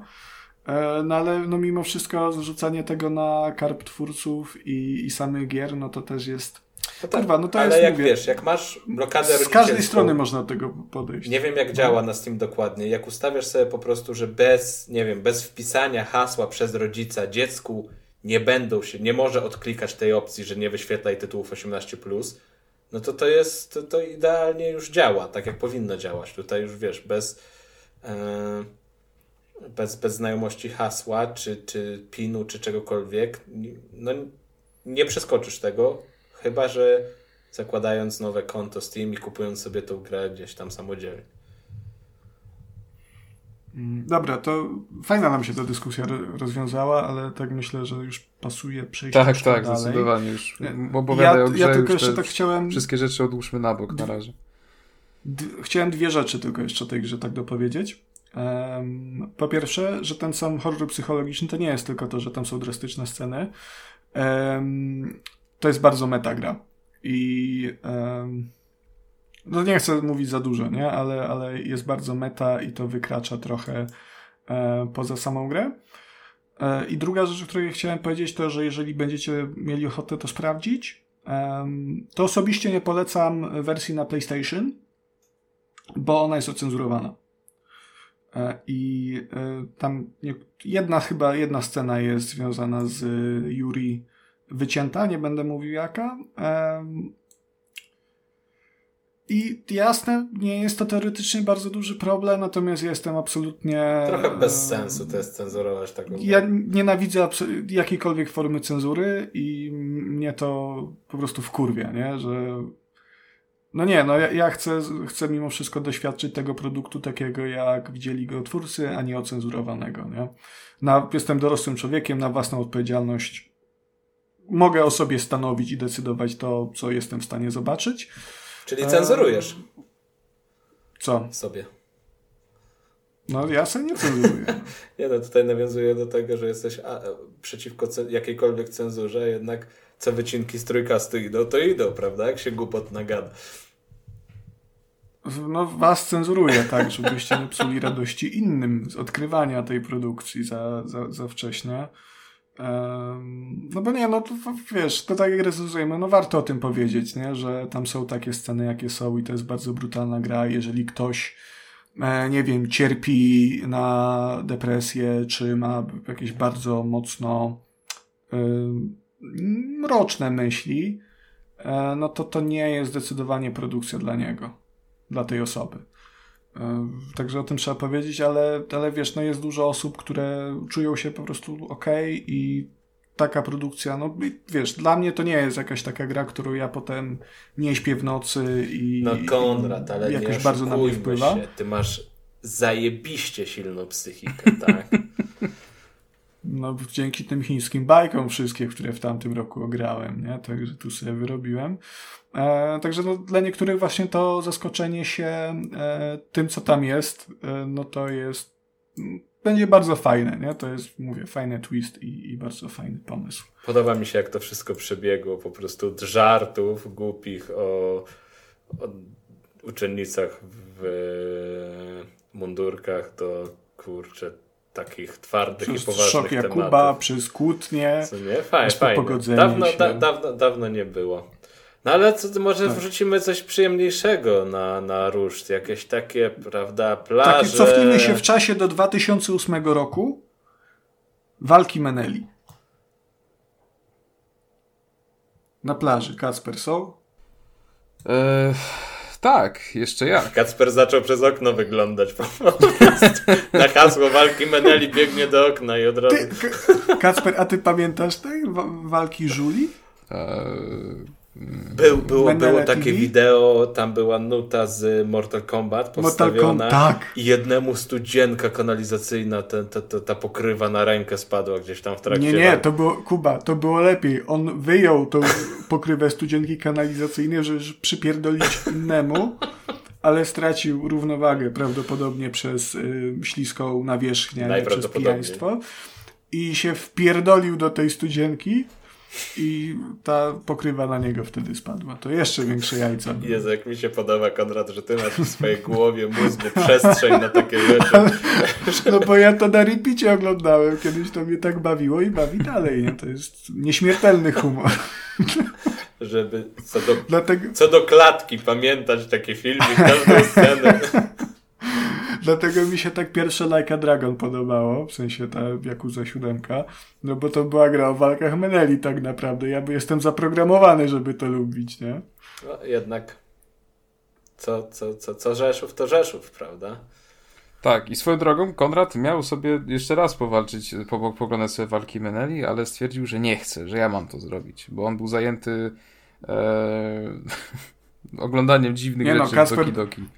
Kacper do mnie pisze, ty słuchaj, bo wziął, bo poprosiłbym o to, Jakuzę bym wziął do recenzji, ale nie wiem, czy będę miał czas, to może weź, robimy tak, że wezmę, poproszę o, o, o kod albo na PlayStation, albo na Xboxa. Jak dadzą na Xboxa, to se weź, a jak na PlayStation, no to, no to ja se wezmę. A teraz nie, kurwa, o, ja chciałem. No ale dali na PlayStation, o. no ty też masz PlayStation, zapytałem się, czy chcesz. Tak pięć razy, więc dałem ci znać, że hej, weź, weź se. no ale, no nie, nie, nie to, to, chyba, to chyba tak nie działa, Kacper, bo jak ja ciebie pytałem pięć albo dziesięć razy oddaj kamerkę, oddaj kamerkę, to też się nie zaoferowałeś. E, Kuba, ale to była moja kamerka i jest do tej pory. Dobrze. Tak Tak czy siak, moi drodzy, Like a Dragon Infinite Wealth. Ja wiem, że tych Jakus i Like a Dragonów się już zrobiło tyle, że można się naprawdę pogubić. E, zresztą mieliśmy kiedyś dyskusję, tutaj nawet wykład od e, profesora Konrada na temat tego, że tak naprawdę Like a Dragon to jest Yakuza, tylko że u nas to była Yakuza, ale w OG to jest Like a Dragon, ale teraz jednak u nas też jest OG Like a Dragon. Ale... e, OG to jest Ryuga Gotoku, E, ale generalnie czyli Like a Dragon. Dobrze, dziękujemy za wykład numer dwa. Eee, ale jeśli się nie mylę, to poprzednia odsłona była Yakuza dwukropek Like a Dragon, prawda? E, chyba nawet Yakuza 7 dwukropek Like Tak, a Dragon. więc- No bo to było tak jak z tym, jak z Residentem 7. Fuzję tytułów. No w każdym razie, e, nowa odsłona Like a Dragon Infinite Wealth, chociaż może mówić e, wielu graczom, którzy nie są tak głęboko w e, całym uniwersum e, studia Ryuga Gotoku. E, może mówić absolutnie nic, jednak to jest bezpośrednia kontynuacja Yakuza Like a Dragon. Mam wrażenie, że wszystko tak opowiedziałem, że tak czy siak e, zostaliśmy, e, zgubiliśmy się po drodze. Natomiast e, Yakuza Like a Dragon była grą, która zmieniła naprawdę sporo w całej e, serii. Chodzi między innymi o to, że e, jak tutaj zresztą mój e, drogi przyjaciel Konrad Noga może potwierdzić, walki już nie były takie, że tak powiem, swobodne i arcade'owe, a stały się takimi otwartymi, powiedzmy, turówkami. Czy to dobre stwierdzenie? Jak ja słyszę otwarta turówka, to bym cię egzorcyzmował, no ale Czekam na nie grałem, także nie potwierdzę, nie zaprzeczę. Konrad chyba się gdzieś ulotnił. Mm. E, dobrze, no mniejsza. E, Przecież mówiłem, że po wódkę idę, o co chodzi.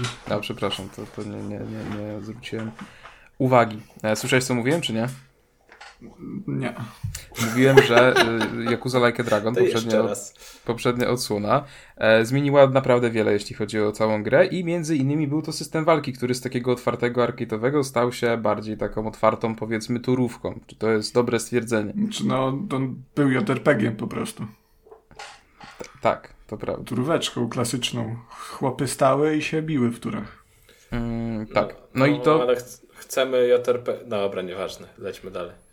E, Takim klasycznym JRPG-iem.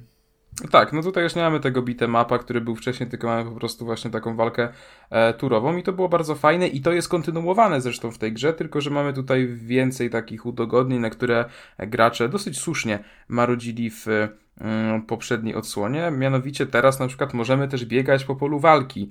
E, do tego same style walki dużo bardziej się od siebie różnią i po prostu mają więcej sensu.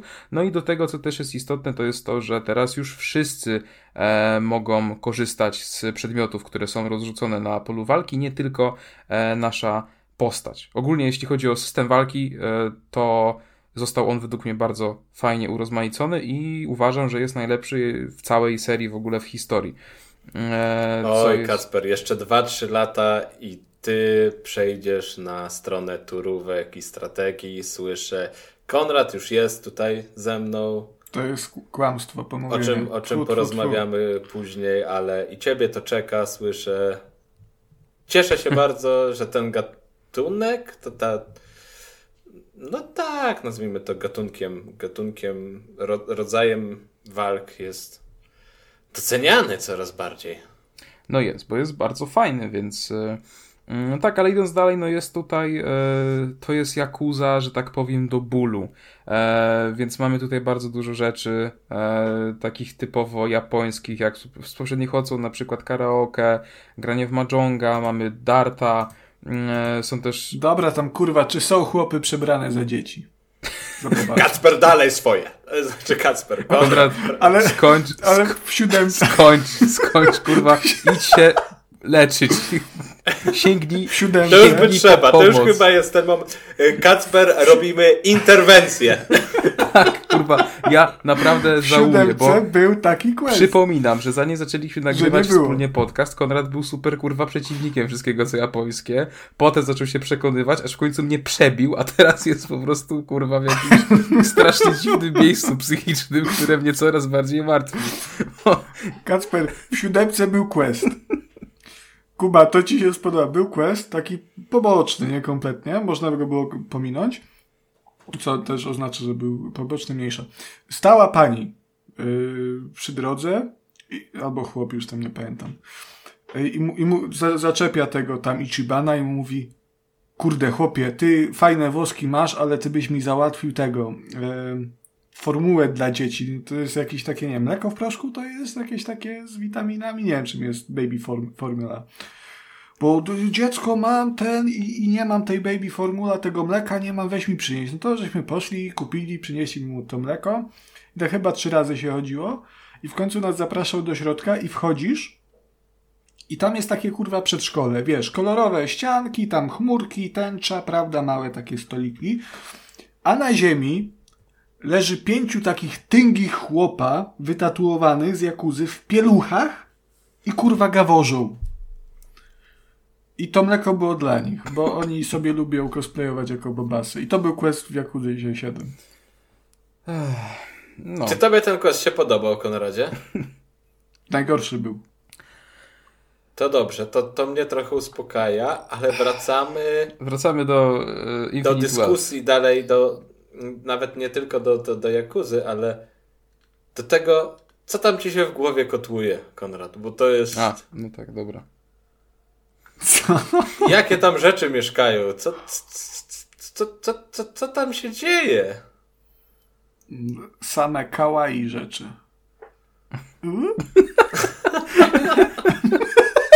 o Jezu. Dobrze, e, dobrze, wróćmy, wróćmy na tory.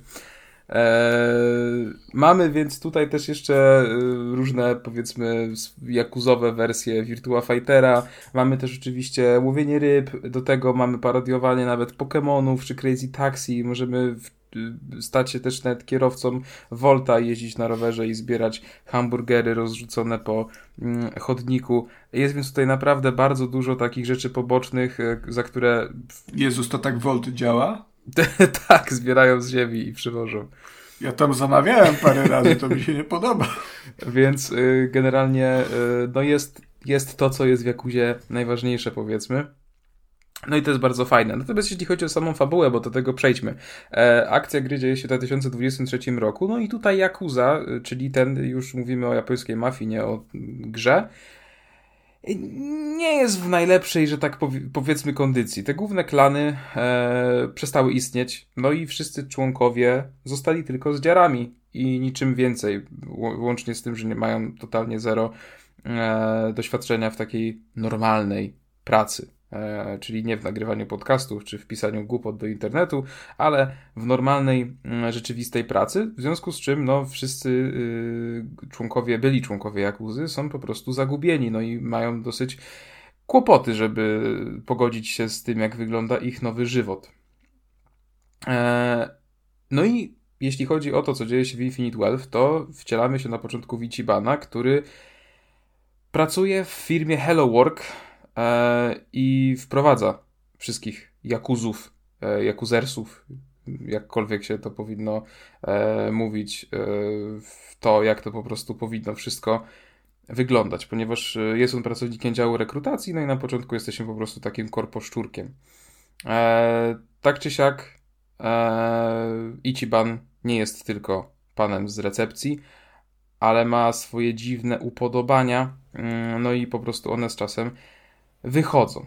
No i co się dzieje później, to już tutaj bym To tak jak u Konrada. tak, tak, tak? Też recenzuje symulatory randkowania na podcaście? E, aż tak źle nie jest, ale też jest ciekawie. E, no mogę tylko powiedzieć tyle, że jak zresztą możemy się dowiedzieć ze zwiastunów, to tam coś tam będzie na słonecznych Hawajach, jakieś plaże, jakieś tego, tego. E, zapomniał się ubrać, haha. E, to widzieliśmy wszyscy na trailerze. Chłop z fujarą. Mm.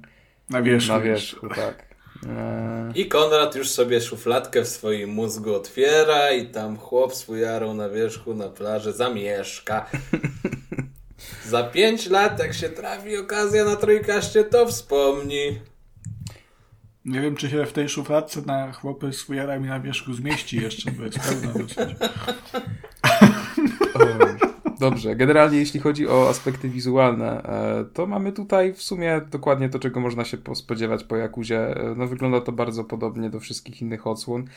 czyli nie jest najpiękniejsze, e, ale też nie jest wcale jakieś szczególnie brzydkie. No jest to taki unikatowy styl.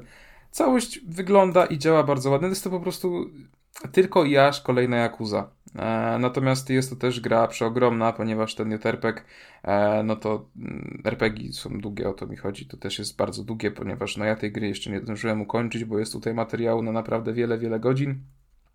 E, sprawdźmy nawet, jak to wygląda na How Long to Beat jest, Sprawdźmy 50, to! 57 godzin średnio, no czyli około 60 godzin mhm. sama fabułka, więc to jest naprawdę bardzo dużo, a jednak te e, wszystkie poboczne questy są na tyle kuszące, że naprawdę głupio z nich po prostu nie skorzystać.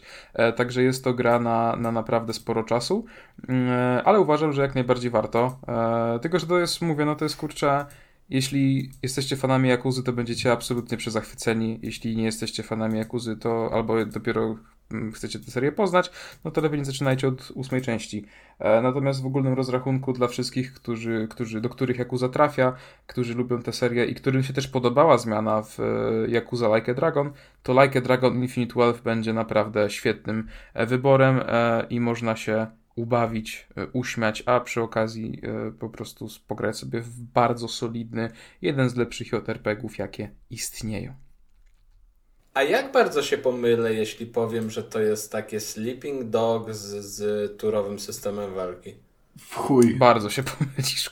To jest, to, to jest tak, jakbyś to, to, powiedział, tak że... samo jakbyś powiedział, że to jest GTA. Właściwie chciałem japońskie. to powiedzieć. Japońskie GTA to jest naj, absolutnie najgorsza, najgłupsza i najbardziej myląca łatka, jaka Yakuza, jaką Yakuza może mieć. No, więc Kuba absolutnie nie, absolutnie.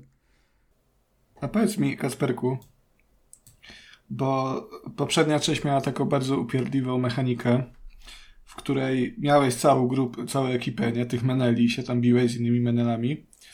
E, tylko wciąż, mimo że tam miałeś czterech czy tam trzy osoby w ekipie, no to jak zginął, jak pokonali Ichibana, no to od razu przegrywałeś co walkę dalej, to tak to wygląda?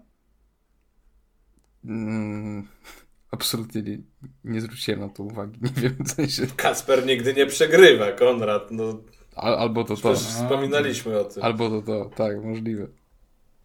No ja taki słaby jestem w te gry, nie? Bo mi się na tych visual novelkach mi się trochę skill wytracił.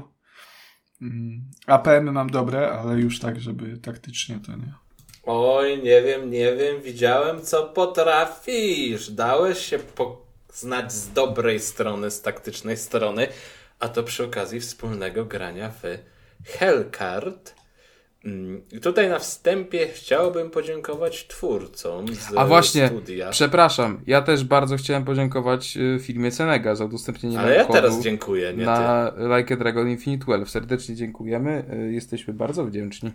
I dźwięczni też. A ja chciałem podziękować bardzo Epic Games za udostępnienie Doki Doki Literature Club za darmo w Epiku i sobie wziąłem za darmo. Konrad, kupiłeś coś kiedyś z Epika?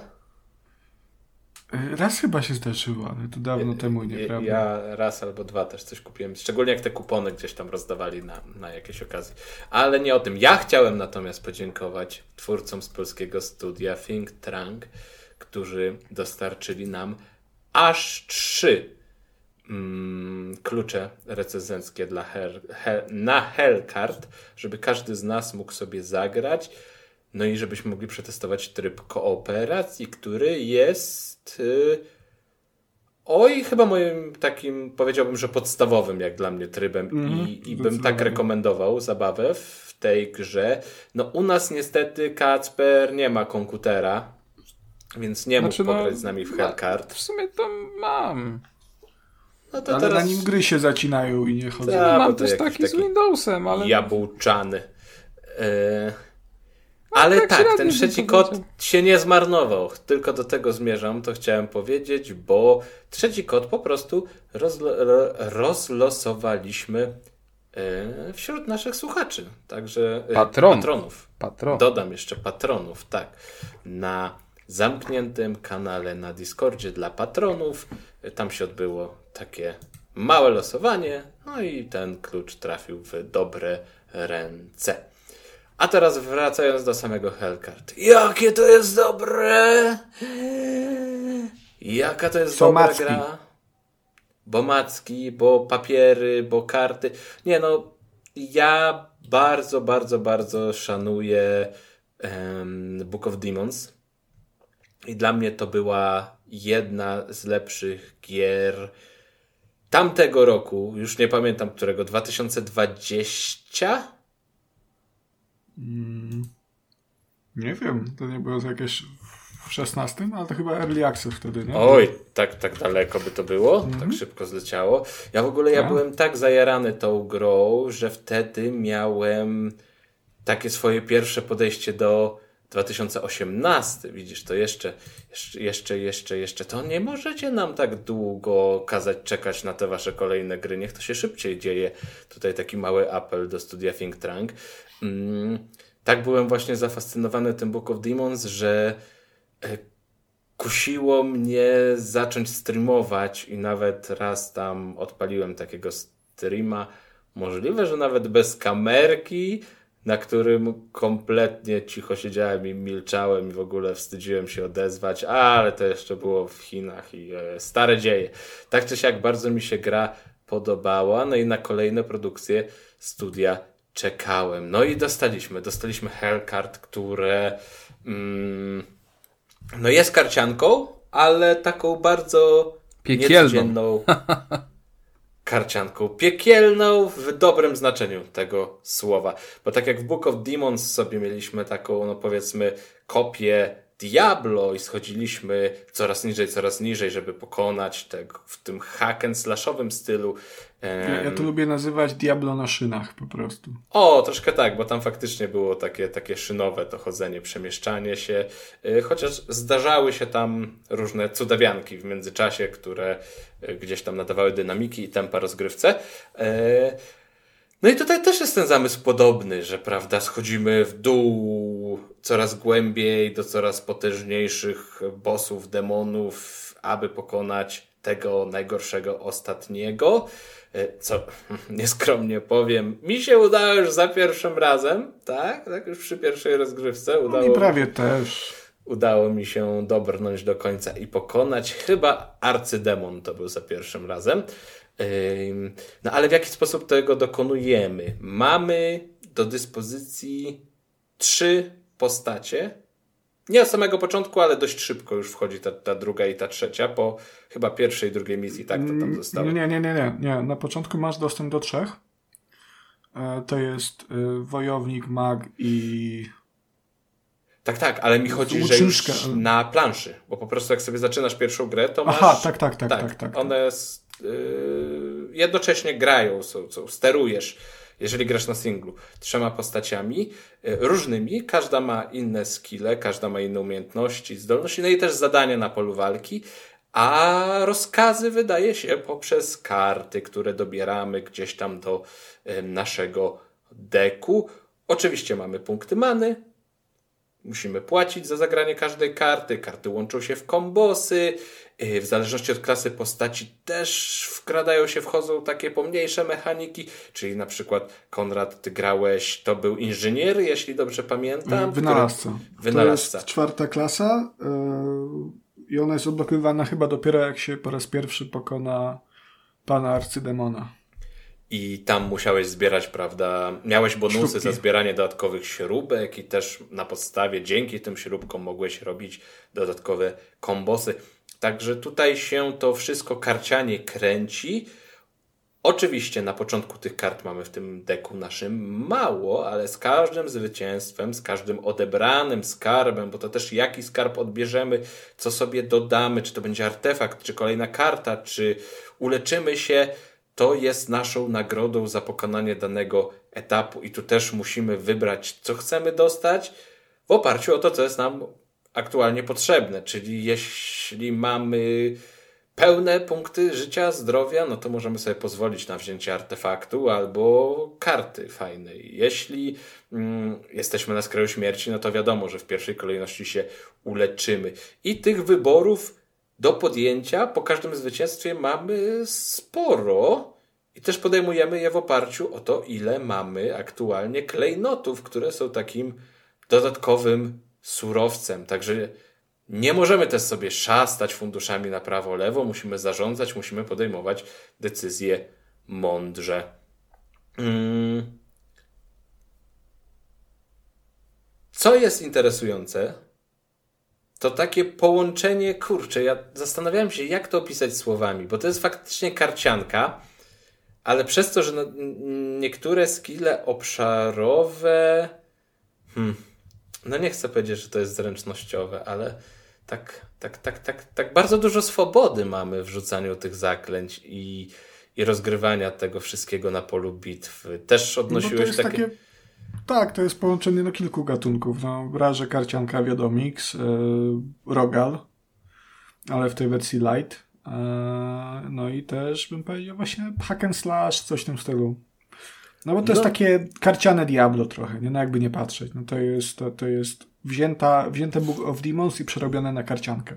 Tak, ale jak użyjesz frazy karciane Diablo, to to, to brzmi jak coś, co nie powinno się udać, a, a Hellcard się udało. No i trzeba dużo kombinować. No, trzeba dużo kombinować, żeby z każdej tury wyciągnąć jak najwięcej, jak najlepiej wykorzystać te punkty many. Jak najlepszą kombinację kart zagrać, bo jedne karty wspierają drugie i tak dalej. No tutaj to jest takie, takie czysto kombosowe do pomyślenia, a to wszystko się jeszcze potęguje właśnie jak gramy w trybie kooperacji, gdzie no bo wiadomo, jak gramy na singlu, to sami sobie zarządzamy. Znaczy, te dwie postacie tam działają automatycznie, ale mniej więcej ogarniamy, co się, co, co, co się tam dzieje. Mamy ich karty i wgląd w to wszystko, prawda? Ale jak Eee, gramy, tak, gramy. one działają automatycznie, bo ja je grałem, to ja, ja, im wydawałem komendy i używałem ich kart. Tak, ale te wszystkie dobierania skarbów, kart do deków, to się działo automatycznie. Aha, to tak, to tak. To tak, więc my mamy wgląd w te karty umiejętności, ale to, co się dzieje poza, to, to się dzieje poniekąd automatycznie. A grając w kooperacji, cały czas musimy ze sobą rozmawiać i dogadywać się, prawda? Ty, tak jak, nie wiem, no ja biorę ten artefakt, bo robi to i to, a ty weźmiesz to, bo robi to i to. I tak samo jest z kartami. Często pytałem się ciebie podczas rozgrywki, Konrad, a jak myślisz, wziąć tę kartę, która daje, zadaje 20 obrażeń i zabija od razu potwora, czy może tę, co pozwala nam zagrać dwie karty za zero many? I tak się zastanawialiśmy, co nam się przyda bardziej w dłuższej perspektywie. I... Tutaj bym dodał jeszcze tylko, że mm, jasne, tu się zbiera te karty i wybiera się, które chce się mieć w swoim deku, ale to absolutnie nie jest gra, w której ten deck building jest bardzo ważny. On jest, to jest super przyjazny nowicjuszom e, i wszystkim osobom takim jak ja, których właśnie to ślęczenie nad kartami i, i układanie swojej własnej talii odstrasza. No tutaj wpadają te karty, masz tam, ale wiesz, no to jest takie dość przyjemne, po prostu trafia do talii, jest gitara i znaczy, wydaje mi się, że dodaje, czy coś. To jest na tyle dobrze zaprojektowane, że yy, niezależnie od tego, jakie karty masz w deku, tak uda ci się coś wykombinować. Mhm. Coś, coś fajnego da się z tego stworzyć zawsze. Więc to za to też na pewno duży, duży plus. No już podczas samych rozgrywek ta kooperacja musi działać na pełnych obrotach, no bo po prostu no inaczej, jak Smolak mnie nie posłucha, no to nie zabije tego, co mu mówię, żeby zabić. Tylko jest, nie, tego nie, tego zabije, no i potem ginie, bo mu trzy bo coś nie wyszło, bo coś, taki wpierdol coś... spuściły, że ja go muszę wskrzeszać.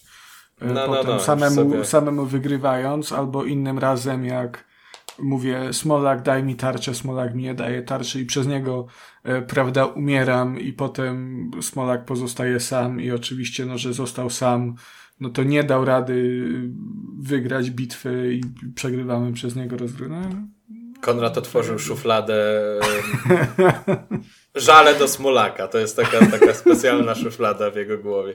Eee... Do czego nie, zmierzałem? Nie, zmierzałem do tego, że jak to w torówce. Przeciwnicy, drużyna, przeciwnicy, drużyna na zmianę. I przeciwnicy w każdej turze wykonują dużo różnych akcji. To nie jest tylko tak, że oni będą atakować i my się musimy przed tymi atakami bronić, bo oni mogą atakować, przemieszczać się, dodawać sobie tarczy, dodawać sobie zwiększanie obrażeń, przyzywać kolejne jednostki. Tego jest sporo i przeciwników na mapach też jest dużo, bo czasami to jest, wydaje mi się, że tak nawet 20 plus jednostek tam gdzieś trzeba ogarniać i sobie z nimi radzić.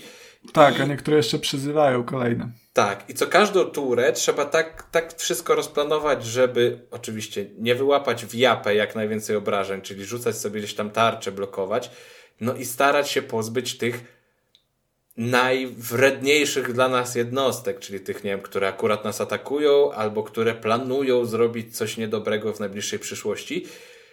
No i żeby do tego dokonać wspólnymi siłami, to trzeba cały czas się ze sobą komunikować, bo jeśli potwór ma 10 punktów życia, to ja mu mogę zadać 5, więc pytam Konrada, czy ty będziesz w stanie zadać mu kolejne 5, żebyśmy go mogli wykończyć i dobić do, koń do końca. E, także tutaj trzeba cały czas ze sobą rozmawiać i tak jak wspominałem na początku, jest to tworzenie kombosów, ale też da się tworzyć te kombosy pomiędzy postaciami.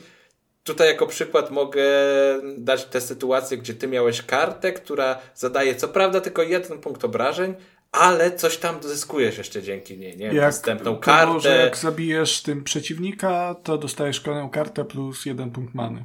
Tak, czyli na przykład dochodziło do sytuacji, kiedy ja mogłem zadać przeciwnikowi 10 obrażeń, bo miał 10 punktów życia, a Konrad pytał, a, a może dasz radę mu zadać 9? To wtedy ja zadam ten jeden i coś tam, coś tam się wydarzy.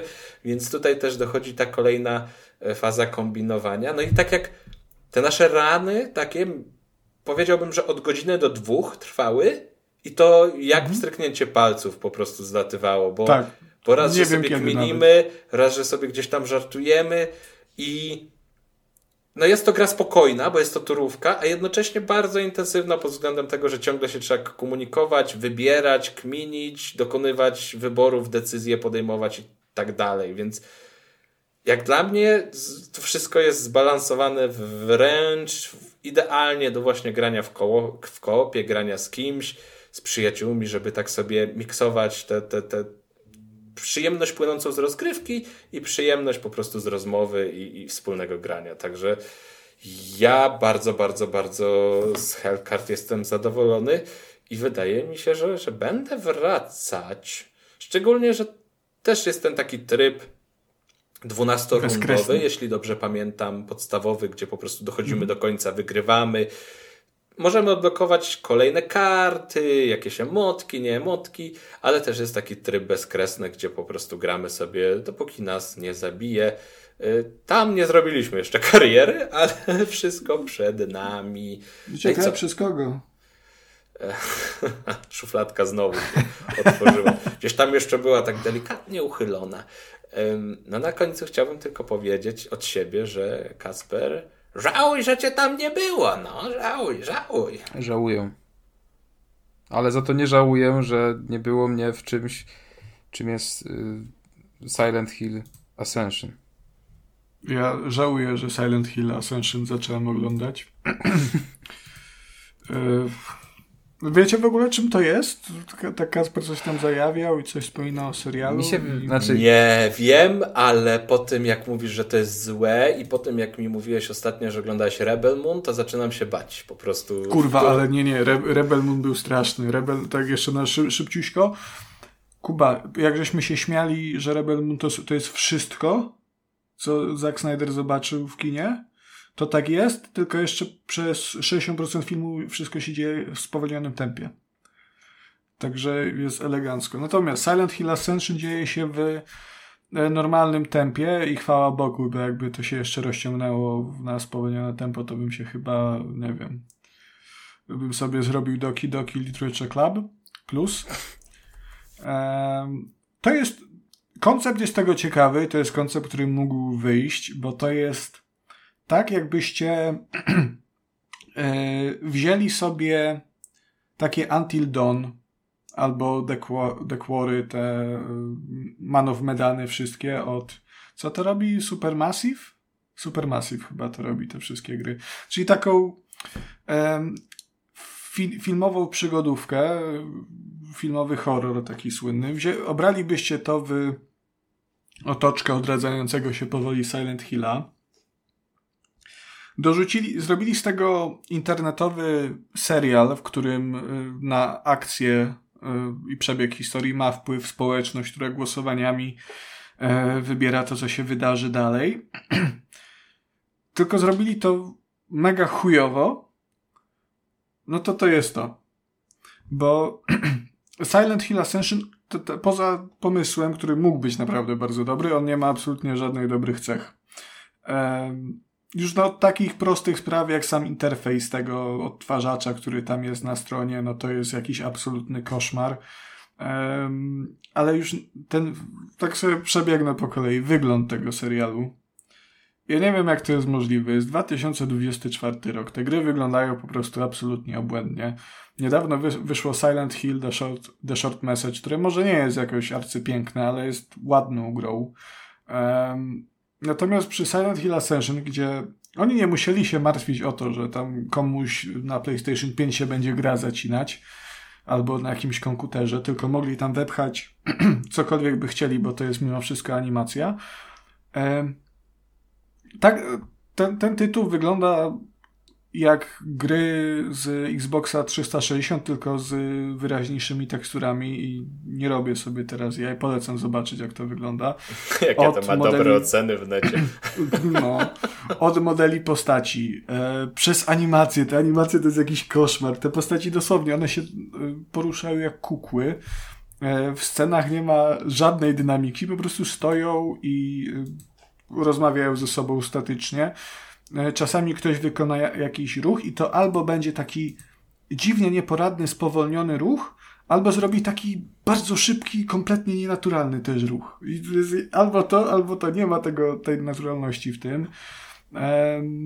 To, jak to jest zagrane po prostu przez aktorów, ja mam wrażenie, że, że to Konami, oni tam siedzieli w tym swoim biurze, i przypomnieli sobie, że pasuje by do, pasowałoby do tego nagrać dialogi, bo tu nie jest fabuła jak w innych Silentach opowiadana przez jakieś karteczki między innymi, więc fajnie by było mieć tych aktorów. Więc wychylili się przez okno i tam jest jacyś grupka ludzi przechodziła po ulicy krzyczeli, ej, chłopaki, dziewczyny, chcecie se w Silent Hillu zagrać? I oni powiedzieli, że chcemy i wzięli. Tak, akurat były walczące ze sobą Menele.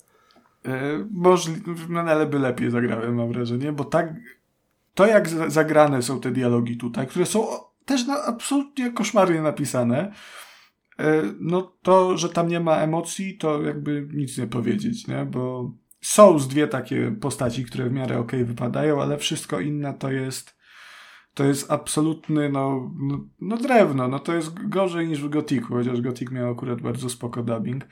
Um, wiesz, to są takie kurioza, że w pierwszym odcinku umiera matka głównej bohaterki i ona odkrywa to ciało i, i wiesz, i tam słyszysz jak krzyczy tam w ogóle jakby ją ktoś tam bił. No i wbija ojciec i ojciec pyta, co się stało? Matka nie żyje, widzisz. Myślałem, że będzie łazienka ona, jest ona się, Pewnie też była.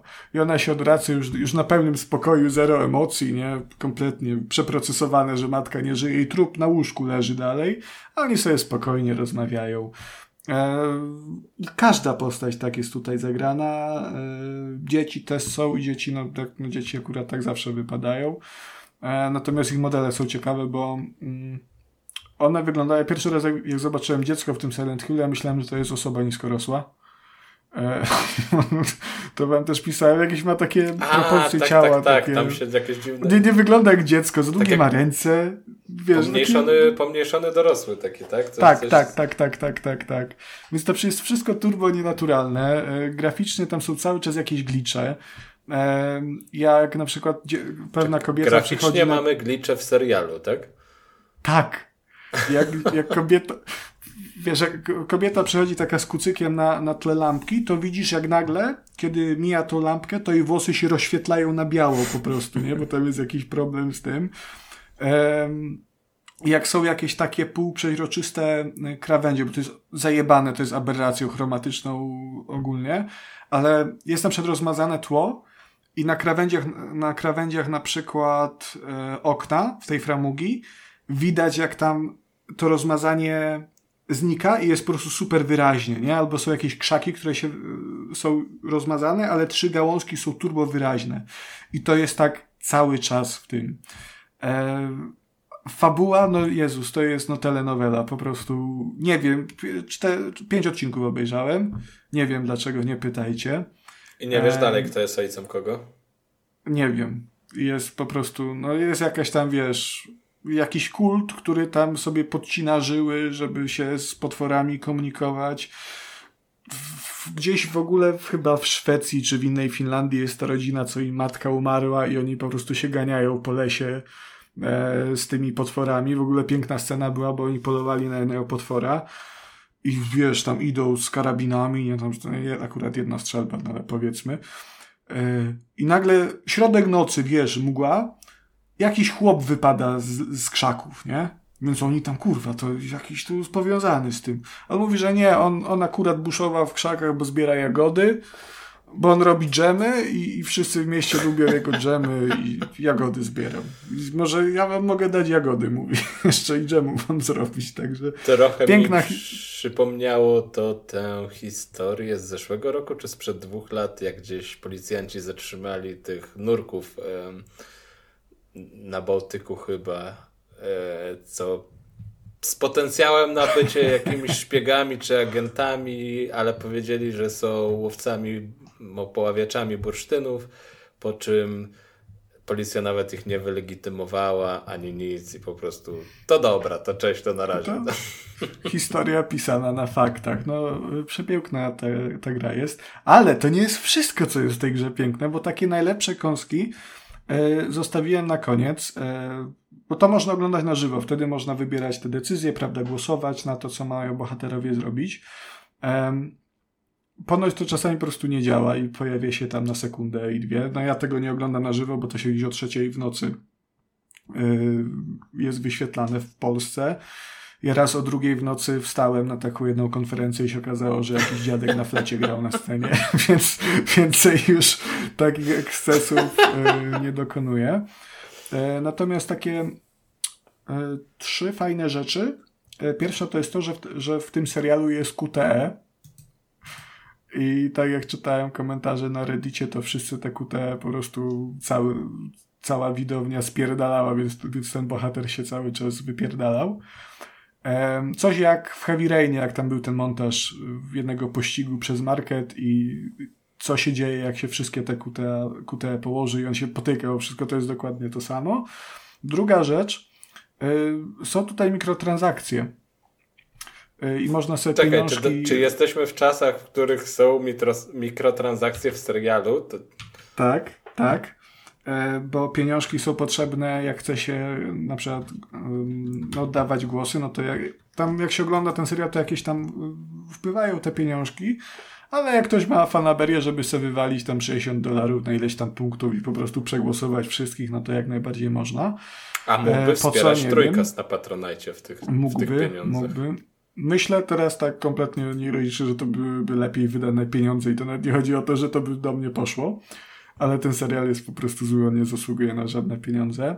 Ale jeszcze Są tu też wierszyk. O, byłby wierszyk, tak. O Silent Hill może nawet. Pieniążki można wydawać również na awatary, e, bo można sobie swojego ludzika stworzyć i go poubierać, fryzurki mu pozmieniać. E, po co? Nie wiem, bo on jest widoczny, tylko głowa jest widoczna na czacie w awatarze. Są minigry w, tej, w tym serialu i można sobie tam y, jest takie połącz 3 na przykład, jakieś tam pociągnij jedną kreskę tak, żeby w sensie wszystkie pola jedną kreską przy jednym ruchu y, zapełń. To jest fajne i tak na koniec jeszcze to jest piękne, bo jak cię zdziwiły Kuba mikrotransakcje, to ten serial ma season passa też. Tak to już jest za dużo tak, dla mnie. Ja już tego tak sobie... jak, jak w Fortnite. Ja już tego sobie nie jestem w stanie w głowie poukładać, jak to wszystko działa. Już... E, nie, no. nie, nie. Jest absolutna tra tragedia i tak jak po The Short Message tak sobie pomyślałem, no kurde, okej, okay, Konami wraca do gry, jest, jest fajnie i włączyłem sobie pełen entuzjazmu te Ascension, no to zrobiłem takie, ojej, ojej, i to Silent Hill F, które nadchodzi, no to już troszkę się zacząłem bardziej obawiać o to. Czyli co, skok e... na kasę po prostu. A, jeszcze jedna rzecz, Kuba, to sorry, ostatnia, ale zapomniałbym. E, w tym serialu podobne jak się ogląda na żywo, bo tak jak sobie z odtwarzacza puszczasz, to nie ma, ale jak się ogląda na żywo, to podobno Silent Hill Ascension ma e, ekrany ładowania. Także serial Czyli to jest po prostu kurwa. taki stream, no. No ale tam się pojawiają takie wśród społeczności mm, hasła, że to- to wygląda jakby jakiś chłop w Konami siedział i grał se w grę i klikał to, co czat tam wyklika, nie? Tylko... No, ale klatki Czyli te taki, spadają. taki, taki zacofany, zacofany stream.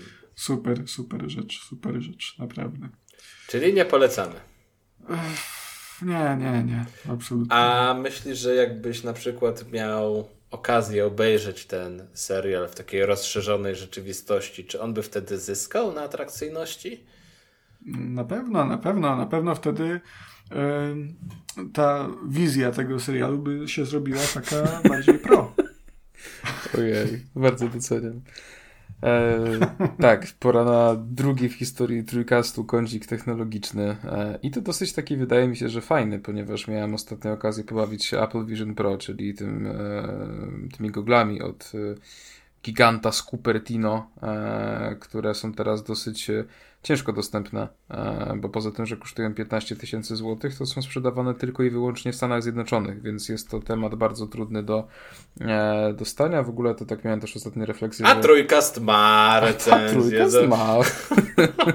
Sam Tim Cook nam przysłał i to on do nas napisał. Y, Tak, to w każdym razie mm, właśnie tak miałem ostatnio taką rozkminkę, że te wszystkie takie e, zajawkowe, nowe i, i specyficzne e, ciekawostki technologiczne, mam tutaj głównie na myśli Apple Vision Pro oraz Tesla Cybertrucka, e, omijają trochę Europę. Szkoda. E, chociaż w przypadku Cybertrucka to może i dobrze, e, bo nie bez powodu nie, nie może on jeździć po europejskich ulicach, ale to jest temat w ogóle na inną pogawędkę. E, Natomiast e, tak, no miałem okazję pobawić się Apple Vision Pro. Nie kupiłem tych gogli, nie sprowadzałem ich ze Stanów. e, Chociaż po tym doświadczeniu. Wolałeś buty w tej cenie, tak? Tak, oczywiście. Kurwa, to są, Kacper, to są podkolonówki z podeszwami, umówmy się, no. E, Tak, bo zamówiłem sobie Easy Podsy, się mogę pochwalić. To będę też akurat sprowadzał z Ameryki. Ale zrobiłem. Teraz e, będziesz musiał Daniel mieć... właśnie na zawał schodzi. Ale, ale zrobiłem sprytny trik, ponieważ żeby nie płacić za shipping 350 zł i plus cło strasznie wielkie, e, to zamówiłem to do znajomej w Stanach, która mi to po prostu przywiezie, jak będzie w- kwietniu w Polsce. Także fajnie. Tak, więc. I, ile, ile za dostawę tylaczków do Polski? No 350 zł bodajże. No plus cło musisz doliczyć, ale. Ja pierdolę. No ale wiesz, no, no tyle, tyle kosztują paczki z lepszego, większego świata, nie?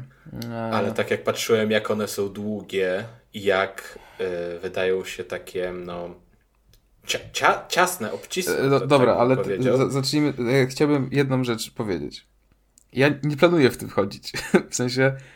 E, Do- Okej, dobra, to, nie, to, Dobra, dobra, to lepiej. Nie, bo już, bo już Ile- miałem Ile mówić, te buty, w których nie zamierzasz chodzić, kosztują? E, właśnie e, o, o to w tym wszystkim chodzi, że Kanye e, zmienił cenę wszystkich produktów w swoim sklepie na 20 dolarów. Więc ja te buty kupiłem za 80 zł. Za 80 zł uważam, że warto mieć Easy Podsy. A, to, to, to przedyskutowanie, ale po prostu myślałem, że jak będziesz je nosił, tak kupiłeś je z zamiarem noszenia, to że będziesz potrzebował giermka, który pomoże ci je nałożyć, no bo to taki rodzaj, rodzaj buta. Śm- Śmiesznie, super powiedziałeś. Ale wracając do samego Apple Vision Pro. E, zacznę od tego, że ja w ten sprzęt wcześniej w ogóle nie wierzyłem. Nie totalnie, znaczy, kurczę, miałem przeczucie, że, miałem przeczucie, że Apple może dostarczyć, natomiast osobiście nie do końca to widziałem. Miałem trochę headsetów VR w życiu na głowie. E, tutaj muszę znaczyć, że nie, jeszcze nie korzystałem, nie miałem okazji skorzystać z MetaQuesta trójki, więc nie będę porównywał w ogóle Apple Vision Pro do tego headsetu. I wiem, że to jest obecnie poza Apple Vision Pro najlepszy headset VR e, na rynku, mm, więc to jest, że tak powiem, spory problem, że nie miałem z nim styczności, ale y, no tak się złożyło, natomiast wszystkie okulary VR-ki, które, które miałem w swoim życiu, które przewinęły się przez moje ręce, e, raczej budziły we mnie mnóstwo wątpliwości i ani razu nie miałem czegoś takiego, że założyłem mm, takie gogle i miałem takie wow, to jest super wygodne, intuicyjne i w ogóle świetne i fajne. W związku z tym y, nie do końca też widziałem e, osobiście potencjał czy szansę na sukces Apple Vision Pro, ale myliłem się. I wiem, że zaraz pewnie i słuchacze, i chłopaki podniosą argument, że jestem fanboyem, czy cokolwiek, że jestem zakochany w teamie Kuku i, i ja w życiu tak nie powiedziałem. I wszystko bym chwalił od Apple'a i tak dalej. A ja już nic nie powiem, bo zignorowałeś mój żart. Jaki żart? A ten o Giermku, no, tak? Już nieważne. Mówił, że śmieszny. No, Domyśl. Powiedziałem, że śmieszny, doceniłem. No. E, no, ale generalnie e, mówię, to podchodziłem do tego z wielkim sceptycyzmem. Natomiast po tym, jak te gogle trafiły w ręce pierwszych recenzentów e, amerykańskich, po tym, jak pojawiły się materiały, szczególnie, e, zresztą to nie jest żadne odkrycie, bo to jest największy tech YouTuber, ale e, MKBHD, Marcus Brownlee robi absolutnie świetne filmiki i on zrobił już trzy longi o mm, Apple Vision Pro. Polecam się zapoznać z każdym. E, no to moje oczekiwania poszybowały bardzo w górę. Do tego też na Twitterze sporo rzeczy podawałem dalej. Mm, e, można sobie zajrzeć, jeśli jesteście ciekawi. E, jeśli chodzi o te takie aplikacje robione przez ludzi, w sensie to są aplikacje devowe, jeszcze ich nie ma w Apple Store, w App Store, przepraszam, ale są warte dotowania, jak na przykład są takie rzeczy, że mm, podłoga, na, znaczy na podłodze w naszym domu się pojawiają takie monety i odkurzając zbieramy te monety. Całkiem fajny system urozmaicenia sprzątania w mieszkaniu. A do tego na przykład samo to, że idąc gdzieś przez chodnik możecie mieć odpaloną nawigację i po prostu widzicie obok siebie idąc okienko, które pokazuje wam e, gdzie możecie iść. Ja też zaproponowałem e, właśnie na Twitterze, że super by było, jakby rozwinęli to do tego stopnia, że byłyby takie strzałeczki na ziemi albo linia nad głową, jak w grach Ubisoftu, jak w Watch czy jak w The Crew. To by było w ogóle... Albo jak, o, jak w dekru, żeby jeszcze na zakrętach, żeby ci się podświetlało na czerwono, żebyś wolniej szedł. tak. Um, ja bym jeszcze chciał, żeby pokazywało, ile jest do destynacji, jak, jaka odległość, że jak na przykład Kacper mówi, że do tej restauracji jest blisko, to jest faktycznie może zobaczyć, że jest 300 metrów, a nie 2,5 kilometra i później się okazuje, że idziecie przez 2,5 kilometra. Smolak, ty tak robisz podśmiechówki, a pewnie jakby ci pokazywało, że się w turach poruszasz i byś mógł chodzić tylko w turach, to by się super cieszył. No, ale to wystarczyłoby, żebym przechodził przez y, jezdnię, przez pasy, prawda? To jest coś no, zielone, ci heksy albo, albo, albo kratki na ziemi. Skakałbym jak żabka pomiędzy heksami, jeden na drugi. No. Tak. E, natomiast e, trochę mnie e, roz, rozkojarzyliście. Celowo, celowo, Kacper. E, więc no, tych aplikacji jest wiele, wiele więcej. Oczywiście e, to jest według mnie największa moc Apple Vision Pro. Czyli to, że jak ja założyłem te gogle na zewnątrz, bo chciałem zobaczyć, e, jak one działają w takich warunkach innych niż bo w domu, to wiadomo. E, ale na pewno widzieliście na Instagramie, Twitterze te filmiki, jak ludzie w tym chodzą i tak dalej. Ja byłem przede wszystkim tego ciekaw. Jak miałem okazję mieć to, to, to sprawdzić to, to stwierdziłem, że to jest pierwsze, co muszę sprawdzić. Pewnie wyglądałem trochę jak debil na tej pracy, chodząc w tych e, Apple Vision Pro. Nie, nie. Nie, nie. nie ładnie, ładnie wyglądać do, do twarzy, ci był piękny kawalerze. E, ale przede wszystkim ja mam wadę wzroku. Dzisiaj e, miałem mały fuck up z okularami, na szczęście kryzys został zażegnany, natomiast no, bez okularów widzę dosyć średnio. E, w Apple Vision Pro widziałem całkiem nieźle, e, to jest raz, ale dwa, co jest najważniejsze, to jest to, że zakładając te gogle w ogóle nie macie takiego wrażenia, że macie coś na sobie. One wbrew pozorom, wbrew tym wszystkim plotkom wcale nie są aż takie ciężkie, bo z tego co się czyta, co się słyszy, można stwierdzić, że one tam w ogóle głowa leci w dół, kaszyja boli po 5 minutach, absolutnie. Ja byłem wręcz w szoku, jak je podniosłem. Oczywiście to jest masywny sprzęt, to nie jest tak, że one są lekkie jak piórko, mm, ale po tym wszystkim, co słyszałem, to miałem wrażenie, że będę w szoku, że jak sobie to tam przyci w sensie zacisnę sobie tam e, opaskę z tyłu głowy, to będę e, po prostu czuł straszny ciężar, że e, jakby moja twarz będzie mnie ciągnęła w dół. Mm, co absolutnie nie jest prawdą. No ale też umówmy się, Kacper, jaki ty jesteś silny jednak. To też jest prawda. prawda. No, no jednak e, ja wiem, no genetyka, mięśnie, wszystko robi swoje, oczywiście, ale e, tak czy siak, no to jest fajne, fajne, fajne zaskoczenie. Mm, no i to, że wizja się wcale nie. Z... Znaczy, kurczę, no z moich doświadczeń wynika, że naprawdę to nie jest tak, że nagle tracimy jakieś kąty widzenia i nam ucina trochę. Wszystko ja widziałem normalnie, tak samo jak bez tych gogli, co jest super. I tutaj warto zaznaczyć, że absolutnie nie wspieram pomysłów jeżdżenia samochodu w tym, ponieważ jest za dużo dystrakcji. Bo kiedy chodzimy w tych goglach, no to nie chodzimy po to, żeby mieć po prostu gogle e, AR. Chociaż Apple się upiera, że to nie jest AR, coś tam ich, ichniejsze, nieważne. nazywajmy, że to jest AR to nie chodzimy po to, żeby AR. po prostu mieć na sobie go, gogle AR, tylko mamy to po to, żeby coś z tym robić. E, więc możemy sobie na przykład ustawić, żeby z boku nas była, nie wiem, na przykład Slack. Jak sobie spacerujecie, kiedy powinniście być w pracy, to możecie sobie sprawdzać, co się dzieje na Slacku. Znaczy nie jesteście akurat potrzebni, a nie ma was w domu. I Kasper się wiebał. Nie, to jest tylko przykład, to jest tylko przykład. To tak, tak. Kolega mi mówi. Możecie sobie odpalić SMS-y, możecie sobie odpalić y, trójkast na Spotify'u i mieć, e, znaczy no na Spotify'u nie, ale możecie sobie odpalić trójkast gdziekolwiek chcecie na, w przeglądarce i sobie po prostu słuchać tego trójkastu i widzieć nasze piękne logo. E, Jezu, to brzmi jak MP3 prawie. Więc e, tych zastosowań jest wiele i to jest generalnie bardzo fajne, ale co jest najfajniejsze, to jest jednak funkcjonalność e, taka, że w tej chwili na przykład możecie sobie połączyć te Apple Vision Pro ze swoim MacBookiem czy po prostu Maciem i e, dodać sobie wirtualnie kilka monitorów, które wszystkie działają bardzo dobrze. Najważniejsze jest to, że w ogóle jakość obrazu, wszystko było naprawdę dla mnie zaskakująco fajne i e, Apple Vision Pro to są pierwsze gogle, które sprawiły, że naprawdę czułem, że to jest e, rozszerzenie i rozwinięcie naszej rzeczywistości, a nie takie sztuczne nakładanie jakieś kombinowanie i robienie czegoś dookoła, co nie do końca działa, co na papierze jest fajne, ale jednak nie, z czym do tej pory mi się kojarzył VR. Z fajnym pomysłem, który po prostu nie potrafi się ziścić. Tutaj to się potrafi ziścić. Zajebiste przede wszystkim. Daniel drugi zawał przeżywał właśnie. Pewnie tak. Zajebiste też jest sterowanie. Tutaj nie ma żadnych kontrolerów. Ster ja nie wiem, nie, nie, znaczy technicz, te, jakby czytałem, jak to działa, ale, że tak powiem, po tym, jak już tego doznałem, to ja kurwa nie wiem, jak to działa. Chodzi o sterowanie. Generalnie w Apple Vision Pro nie macie żadnych kontrolerów, tak jak już wspomniałem. Sterujecie wszystkim swoimi oczami oraz rękami. Eee, nie musicie ruszać głową, jak chcecie patrzeć na jakieś elementy, wystarczy, że ruszacie po prostu gałkami ocznymi i zatwierdzacie rzeczy tak, że pykacie palcem wskazującym o kciuka. To jest zatwierdzenie. Jeśli chcecie coś na przykład przesunąć, to po prostu musicie pyknąć, przytrzymać i przesunąć rękę w lewo lub w prawo. E, eksperymentowałem z tym. A można gałką? Nie można. E, ekspery... a, a jak do tyłu się robi cofnij? To zależy.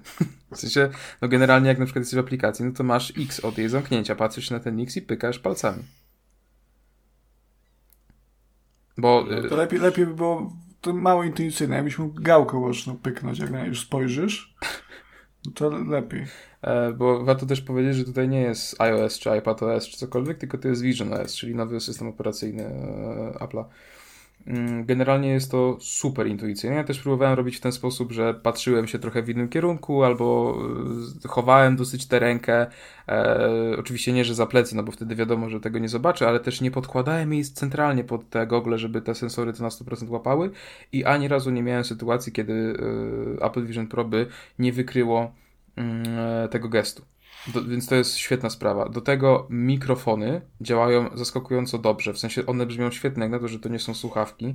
Fu, nie mikrofony, tylko głośniki, przepraszam. E, chociaż no jest tego naturalny minus, czyli na przykład w metrze, czy po prostu na zewnątrz, jeśli słuchacie czegoś głośno, no to ten dźwięk się po prostu przebija też do innych. Natomiast e, samo doznanie e, byłem naprawdę w szoku, bo to brzmi zaskakująco dobrze, jak na standardy headsetów e, AR-VR. Mm, no i też muszę zaznaczyć, że byłem absolutnie zakochany w całym systemie kalibracji, bo chociażby w PlayStation VR 2, w headsetie z zeszłego roku, e, który ma jakoś około bardzo blisko równo roku w tej chwili, wszystko robimy ręcznie, musimy kręcić tym wierciołkiem, aż będzie nam dobrze. e, i tak dalej. To generalnie super nieintuicyjne, bo jak gracie VR z kimś i przekazujecie mu tego gogle, to on musi to synchronizować. Zaraz też się pokazuje, żeby tam zbadać swój pokój, po ile Kasper, macie... No? E, nie wiem, czy ten, ten podcast to jest miejsce, miejsce, żeby się chwalił swoim kręceniem wierciołkiem. Do... Że ci dobrze. Słuchaj, czemu nie? Konradowi nie dużo trzeba, Kacper, kontynuuj. E, no i jak się oddaje te VR-ki do kogoś innego, to zaraz trzeba przychodzić przez ten system konfiguracji jeszcze raz i to jest generalnie strasznie upierdliwe, mało intuicyjne i trwa okropnie długo. W Apple Vision Pro, jak się konfiguruje gogle, to jest tak, że je zakładacie, trzymacie jeden guzik i w 5 sekund on absolutnie sam wszystko dobiera tak, żeby było dla Was jak najbardziej dobrze, a konfiguracja Waszych gałek ocznych, żeby on wiedział dokładnie, gdzie Wy patrzycie, zajmuje jakieś 20 sekund. Brzmi. Więc generalnie do minuty od założenia tych gogli będziecie już y, all set. Dobra, a ta konfiguracja gałek ocznych to jest tak jak w Dead Space 2? Nie.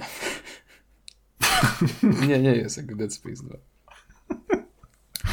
Uf. Generalnie, e, no też nie obcowałem z tym sprzętem strasznie długo, więc też e, nie, nie, nie, nie mogę tutaj dawać jakieś... No bo w metrze nie wypada jednak, prawda? No dlaczego nie? Właśnie wręcz przeciwnie. To, to jest taki sprzęt, że trzeba go sprawdzać w takich warunkach.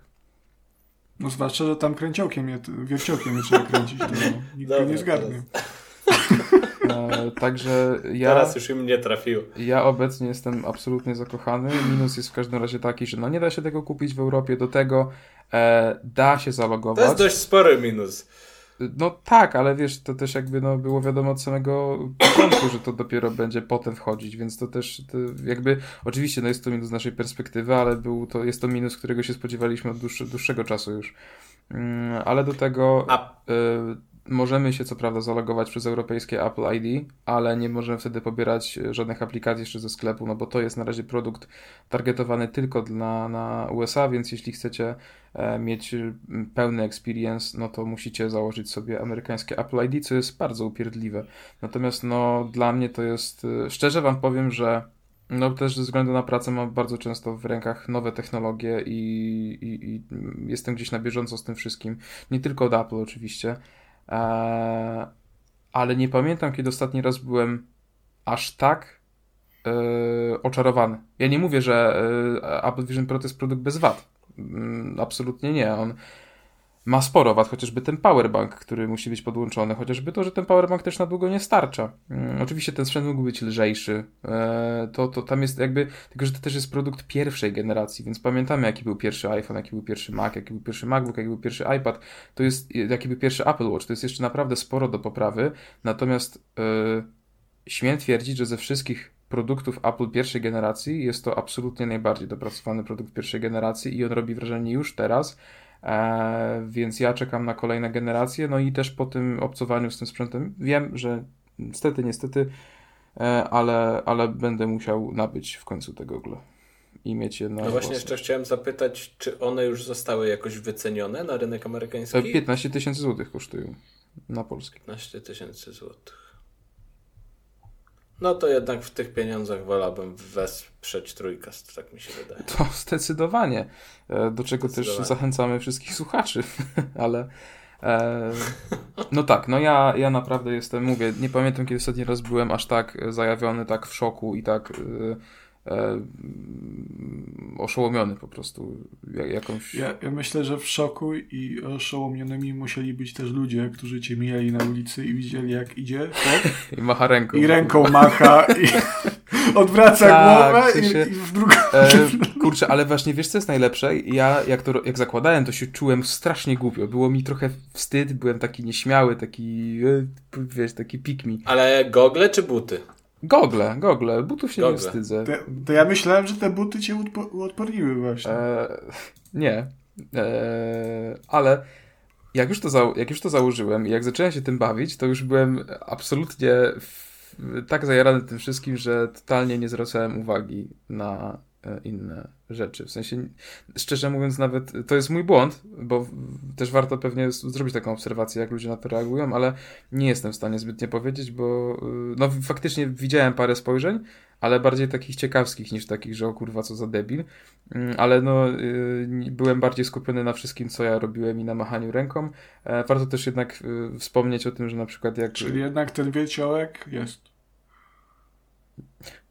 jak was denerwuje rzeczywistość prawdziwa, to możecie się bardzo łatwo przenieść na, e, na, na Księżyc albo do parku Yosemite, e, albo do kilku innych lokacji, bo to też jest Ty, bardzo... a, a powiedz mi, czy tu jest jakaś taka opcja, że na przykład jak patrzysz na siebie, to robisz taką, możesz sobie ubranka zmieniać?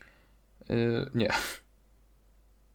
Kurwa, ale to by było bardzo spoko, tak już bez. E, natomiast też e, jak tworzysz sobie, e, jakby zakładasz, powiedzmy, konfigurujesz e, Apple Vision Pro, e, to te okulary musisz jakby zdjąć i skierować sensorami, w kamerami, sensorami w swoją stronę bezpośrednio jakby trzymasz to naprzeciwko swojej twarzy i to ci e, musisz tam zrobić parę różnych e, e, w sensie musisz się uśmiechnąć, zrobić grymas, zamknąć oczy, uśmiechnąć się z zębami, otworzyć gębę i tak dalej. I on tworzy twojego wirtualnego mm, awatara, który potem jest wykorzystywany przy rozmowach na FaceTime. Mm, więc e, jak do kogoś dzwonisz na FaceTime w Apple Vision Pro, e, to on widzi twojego awatara. I te awatary, co prawda na początku było z nimi sporo memów, Apple to też jakby to jest na razie w becie i tak dalej, natomiast w ogólnym rozrachunku to wygląda całkiem nieźle. Na pewno wygląda lepiej niż w przypadku Mety, bo tam to po prostu tworzymy jakiś cibi postacie, nie? Mm, które po prostu wyglądają jak takie z, z jakiejś animacji na Disney Plusie, nie?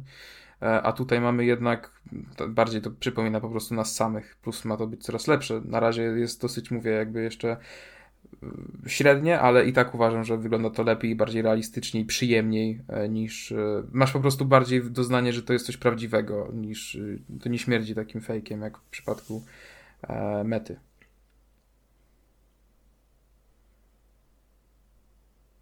Bardzo ładnie meta wygląda, nie wiem co ty chcesz. No, jest, no, gusta i guściki. No ja już, no, słuchaj, doświadczenie mnie nauczyło, że jeśli chodzi o preferencje yy, wyglądowe, designerskie i tak dalej, to, to nie może być ciężko nam się dogadać. A, a powiedz mi, czy w tym Apple Vision Pro, yy, to czy można, bo to jest, jak mówisz, że to jest ta rozszerzona rzeczywistość, czy, czy można sobie w planszówkę w to pograć bez planszówki? Eee tak, widziałem już projekty, że na przykład można sobie grać w szachy, tak jak w Cowboy Bebopie było, e, ale mm, może dowiedzmy się o jakiejś innej planszówce niż szachy. E, co nie? No ja mam tylko takie planszówki, co to trzeba na stole rozkładać i przesuwać się pionkami i karty czytać, a nie takie, że tam się mruga oczami i kręciołka się Mi się tylko jeszcze tutaj powiem, że też rozmawiałem z Kubą o tym Apple Vision Pro, jak graliśmy w Helldiversów i E, bardzo mi się podobało, jak Kuba powiedział, że mm, on to jest przerażony normalną rzeczywistością, a ja tu jeszcze pierdolę jakiejś rozszerzonej rzeczywistości. O co, co Kuba ci się zwierzył ze swoich fobii, a ty to tak to sprzedajesz wszystkim słuchaczom? Yy, troszkę jest tak, jak Kasper mówi, bo no jak się pracuje zdalnie, ja też mieszkam na takim osiedlu, niby w mieście, no mieście Lublinie. Niebezpieczne. Yy, Niebezpiecznym? Nie, tego bym nie powiedział, ale właśnie spokojnym, że nie ma tutaj, takim zamkniętym, że po prostu nie, nie przychodzi tu dużo ludzi. E, no jak się pracuje zdalnie, to później jak się tak pojedzie do centrum miasta, no to ta rzeczywistość może przerazić nawet. Mm. Ale wracając do planszówkowego świata, ja chciałbym się podzielić moim ostatnim odkryciem to nie jest nowa planszówka, to nie jest nowa premiera, to jest gra bardzo uznana i doceniona przez y, miliony graczy z całego świata, ale ja nie miałem okazji nigdy wcześniej zagrać. Sporo słyszałem, dużo osób polecało, ale nie dane mi było zagrać, więc w końcu zakupiłem. I to w całkiem atrakcyjnej cenie, bo Polecam bardzo w ogóle do takich akcji Vinted. Świetnie się planszówki kupuje na Vinted, fajne okazje można e, złapać, a grę kupiłem nieużywaną. Rozpakowaną z folii, jeszcze wszystko tam w środku, karty i tak dalej było popakowane w małe folijki, tak jak od nowości i, i, i sporo taniej niż chciałoby się to kupić ze sklepu. A mowa o grze Everdell, czyli Oh, podejrzewam, że jak ktoś w ogóle planuje wejść w planszówki, sobie tam w Google wrzuci najlepsze planszówki albo najbardziej polecane planszówki, no to ten Everdell wyskoczy. Ona się w Polsce pojawiła w 2020 roku od wydawnictwa Rebel. I no nie będę tutaj opisywał o co w tej grze chodzi dokładnie, jak wyglądają jej zasady bo nie o to tutaj chodzi, to trzeba sobie instrukcję na YouTubie po prostu obejrzeć. Czyli nie wiesz. Zagrać dwa razy. Nie, do tej pory nie. E, zagrać dwa razy i wszystko się będzie wiedziało.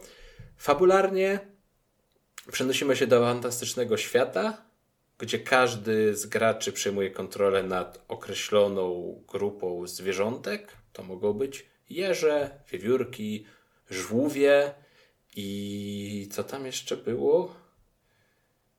Yy, nie pamiętam. Jeszcze jedna grupa. Borsuk. Bo, bubr, kurwa.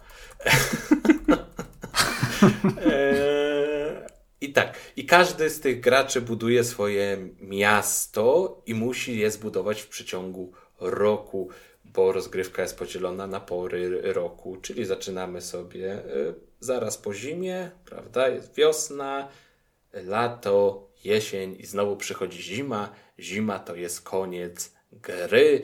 Wygrywa gracz, który zbuduje najlepsze, najładniejsze miasto, no tym samym zdobędzie najwięcej punktów.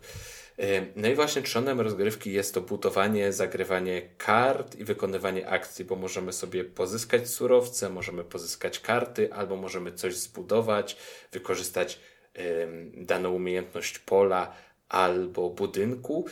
Każdą z tych akcji praktycznie wykonujemy jednym z ludzików, których mamy dość mało, bo takim już. E, na, na, starcie mamy po prostu dwa ludziki, i to w ogóle, jak sobie przeczytasz zasady, obejrzysz instrukcję i pomyślisz, oho, mam dwa ludziki, to nie jestem w stanie nic zrobić praktycznie. To będzie takie, co położę tu, wezmę dwa surowce, położę tu, wezmę dwie karty i, i tyle, naprawdę. Ale z każdą kolejną porą roku tych ludzików dochodzi coraz więcej, mamy coraz więcej możliwości, no i też jest to zagrywanie kart, dzięki któremu da się robić takie fajne, obszerne kombosy i się nagle okazuje, że przez kilka tur w ogóle nie musisz używać e, ludzików, tylko właśnie grasz na tych kartach, bo na przykład one się łączą w prosty sposób. Są budynki i są e, jednostki, bohaterowie, no, stworzenia, tak to jest nazwane. Czyli jak wybudujesz karczmę, to karczmarza będziesz mógł zagrać za darmo już później. Jak wybudujesz yy, zamek, to króla będziesz mógł zagrać za darmo.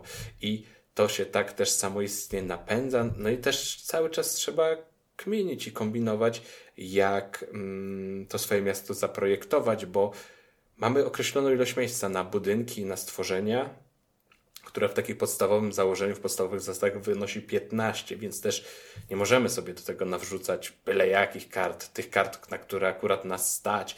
Musimy ciągle kminić nad tym, jak zagospodarować przestrzeń tego miasta, żeby to wszystko ze sobą współgrało i działało.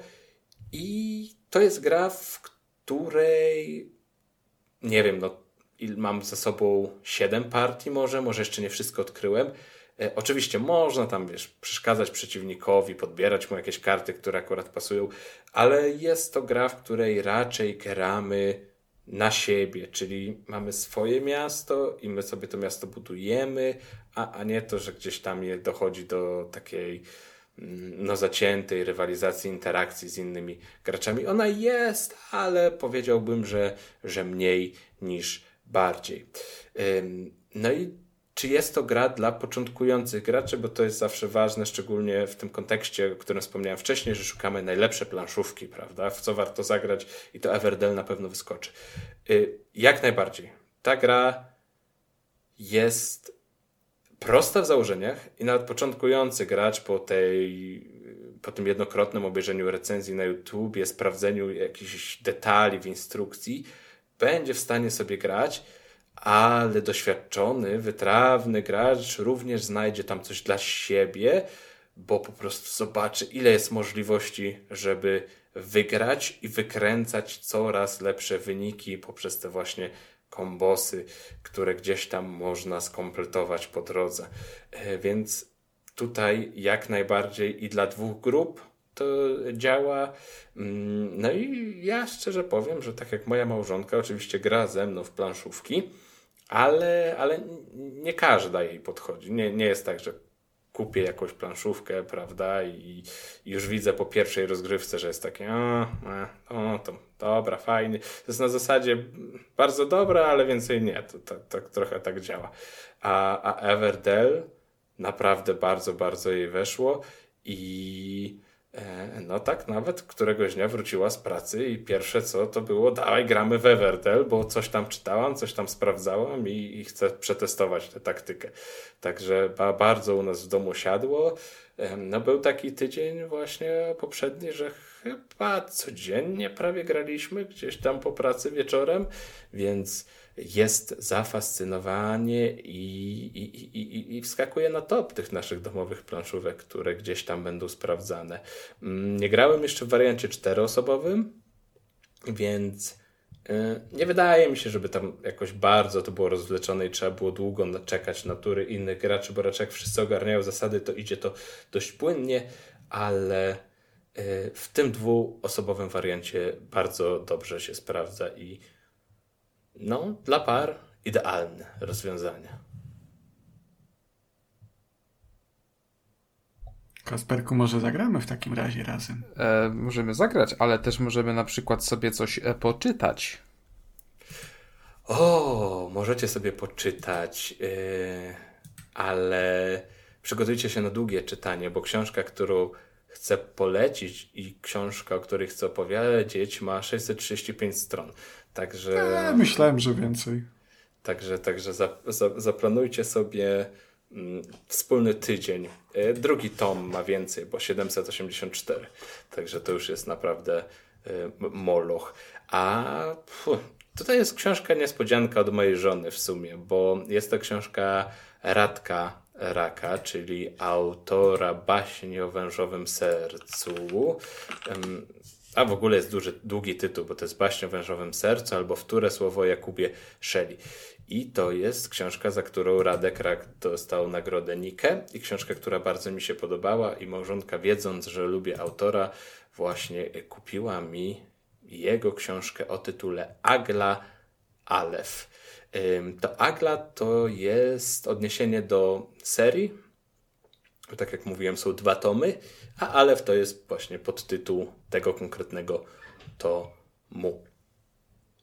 I mm, ja przeczytałem jeden rozdział, drugi rozdział i miałem takie, co, co, co, ty, co ty mi kupiłaś? Przecież to jest jakaś literatura młodzieżowa, bo faktycznie ta opowieść zaczyna się od trójki bohaterów, którzy gdzieś tam wieczorem coś tam robią, takie to jest wszystko młodzieżowe, gówniarskie, że tam wychodzą, ukrywają się przed kimś i tak dalej. To wszystko jeszcze jest w takim fantastycznym świecie, e, który hmm, łączy to, co my znamy z historii, z historii Polski, z fantastyką, kompletnie taką oderwaną rzeczywistości, taką, taką skrajną fantastyką, w której e, nie da się w żaden sposób um, wytłumaczyć, usprawiedliwić i no jest po prostu taka no, esencja tego, te, te, te, tej fantastyki. Mamy na przykład miasto, które porównywane jest do Krakowa. Tak, tak, tak, tak.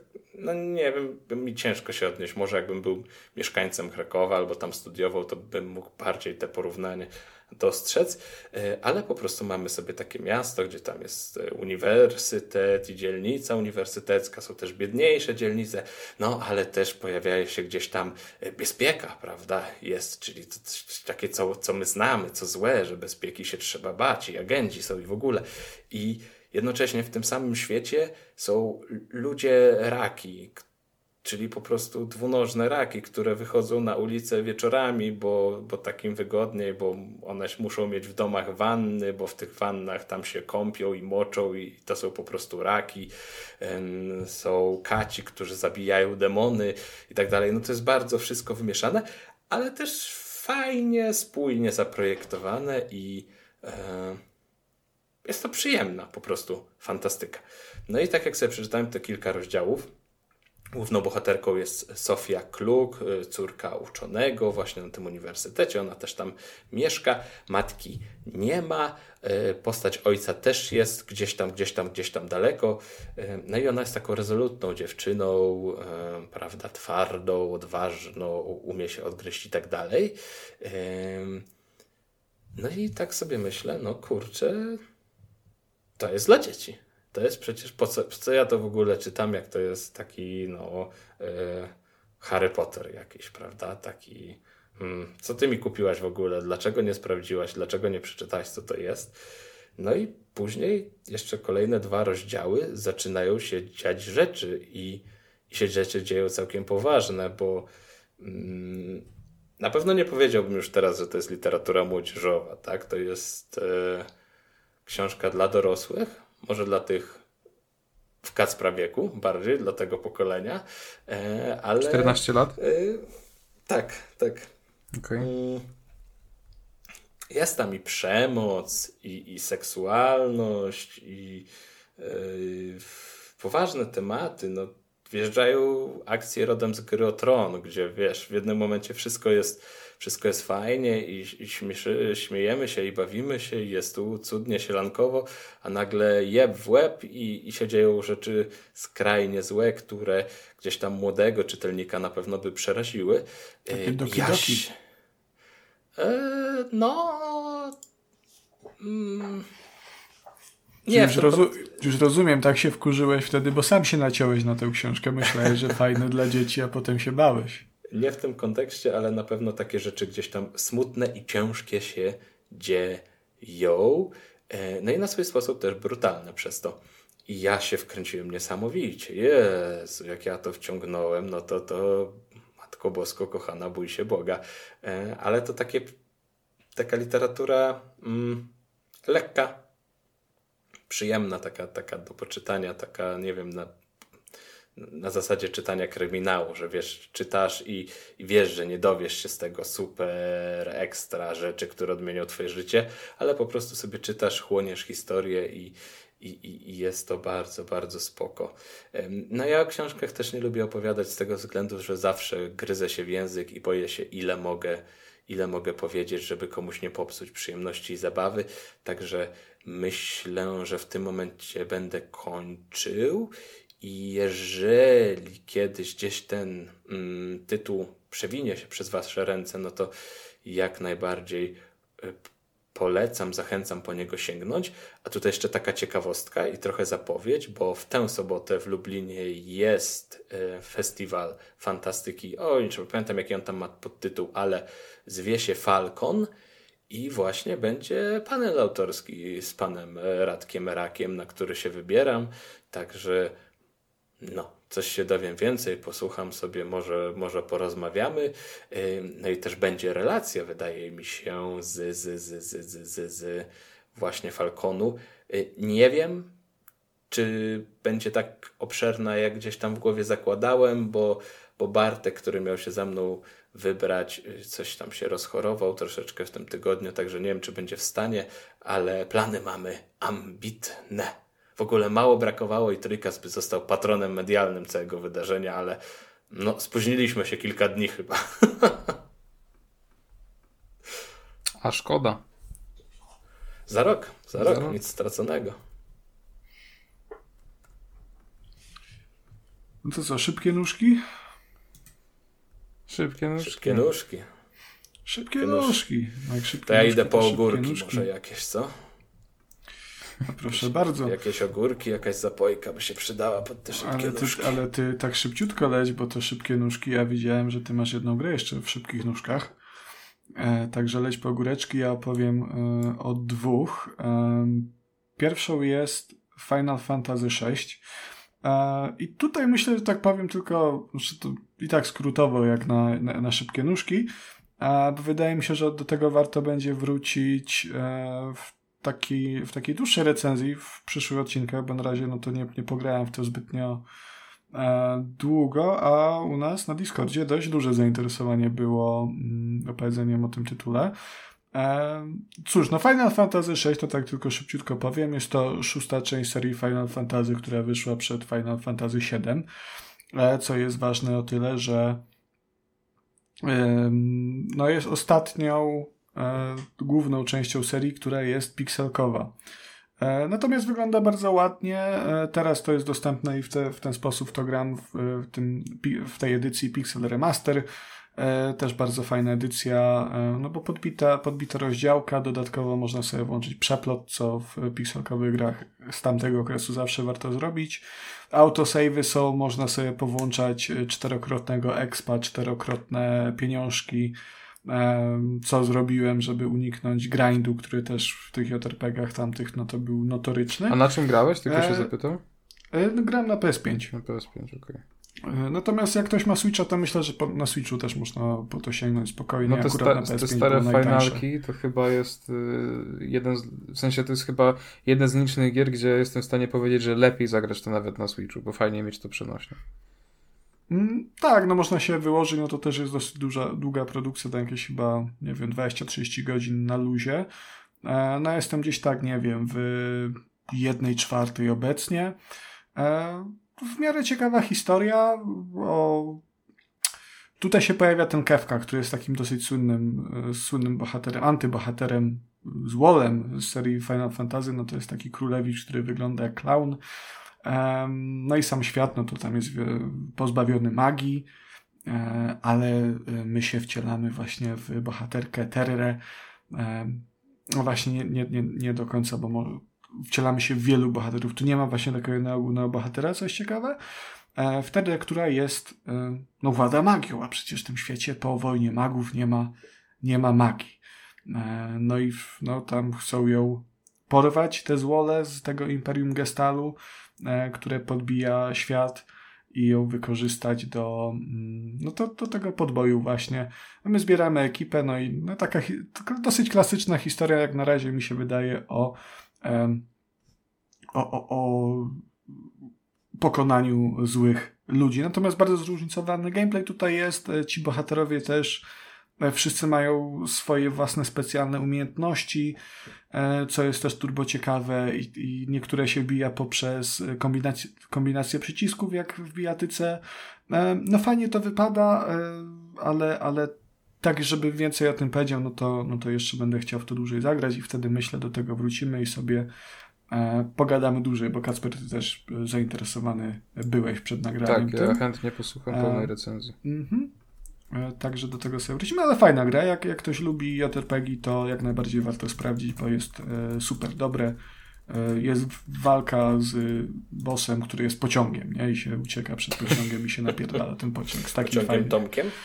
Fajnych. Tak, są te, są mugle, czyli te kocurki z tymi e, kuleczkami czerwonymi nad głową i skrzydełkami przesłodkie. One mówią kupo, więc jest w ogóle turbo śmiesznie. E, bardzo fajna gra.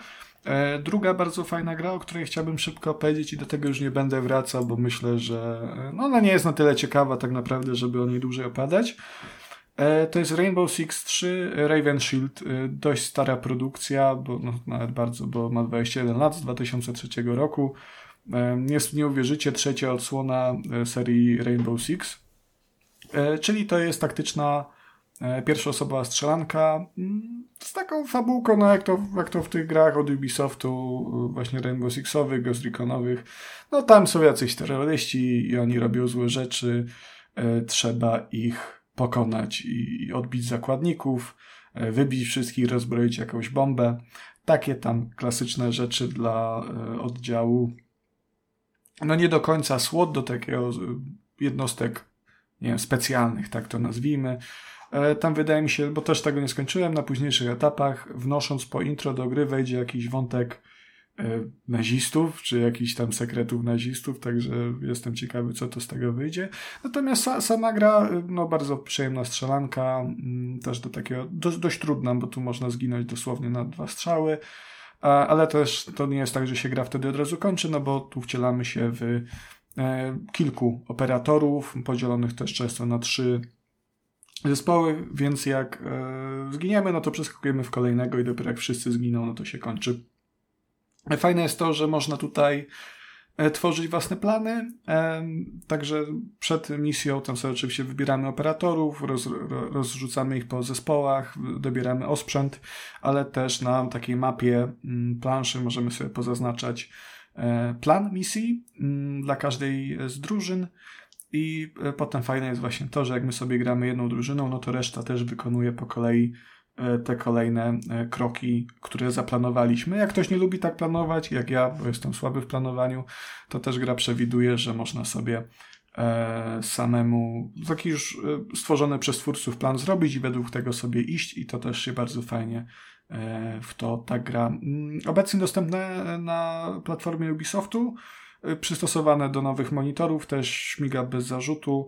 Trochę problem z fowem, sterowanie jest okropne, no bo to jest stara gra i na przykład y, sprintuje się prawym myszkiem, celuje się shiftem, E, i w ogóle jest, jest dziwne, na przykład pod C jest wstawanie, a pod X kucanie, także trzeba się przyzwyczaić, ale gra się bardzo fajnie, uzależniające i, i no, turbo, turbo przyjemne. No to pyk, na drugą nóżkę lecimy. Ode mnie Thronefall, które kusiło mnie już od dnia premiery, a dostępne jest w Early Accessie od sierpnia ubiegłego roku. Jest to taka minimalistyczna gra, w której budujemy swoje królestwo. Ja, prawdę mówiąc, spodziewałem się czegoś innego. Myślałem, że będę miał więcej swobody w procesie budowania tego wszystkiego, a okazało się, że tro, trochę jest taki tower defense twistem, bo, bo mamy swojego bohatera, który sobie tam biega, prawda, gdzie chce i może też prowadzić ze sobą jednostki gdzieś tam zrekrutowane, e, ale jednak te wszystkie budynki, które budujemy, które powstają, one mogą powstawać tylko w określonych miejscach i mogą być określonym typem budynku, który akurat nam gra narzuca. Jeśli go ulepszamy, to tam możemy trochę, trochę modyfikować, co to ma być, albo jakiego rodzaju jednostki mają dane koszary produkować, ale to jest troszkę takie właśnie tower defense'owate. Mm, no i co? I co każdą noc, prawda, za dnia budujemy, nocą odpieramy fale wrogów, które z kilku tam różnych kierunków mogą na nas, na nas, na nas nacierać.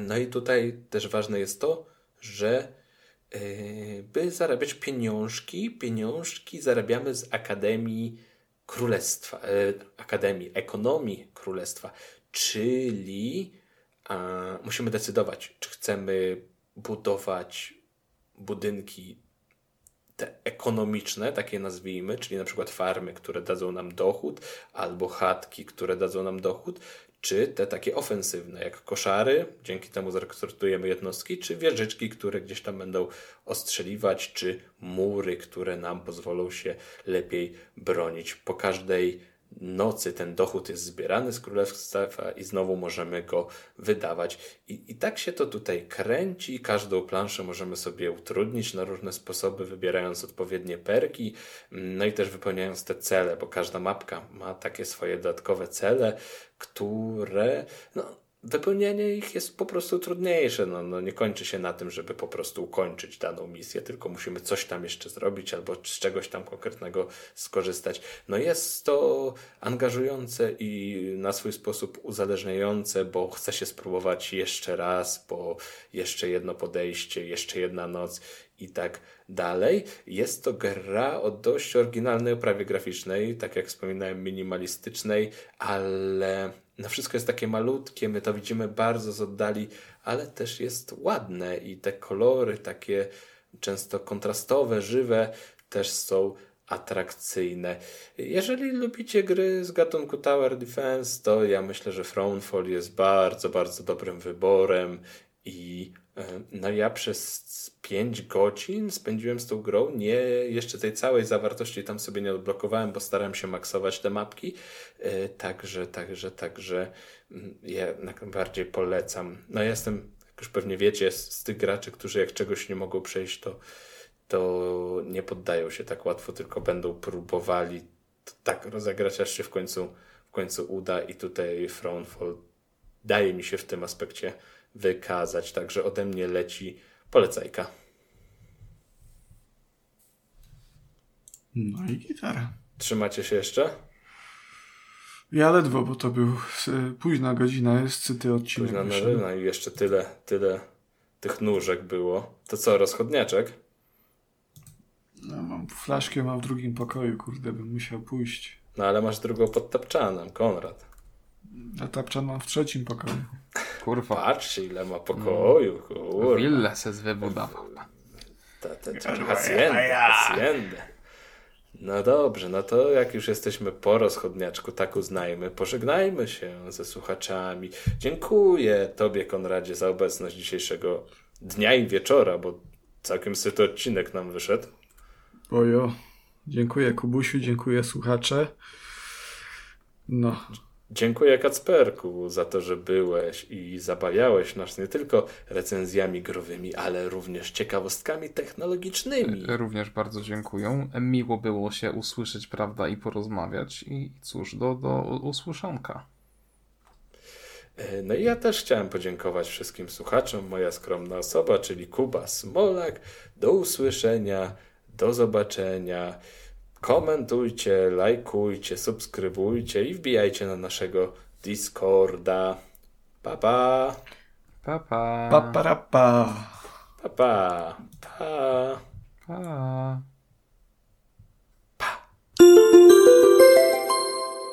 A wy? Co sądzicie o grach i tematach poruszanych w odcinku? Koniecznie dajcie nam znać w komentarzach, na Twitterze lub poprzez adres e-mail. Wszystkie linki znajdziecie w opisie. Pozdrawiamy. あらあら、さようなら。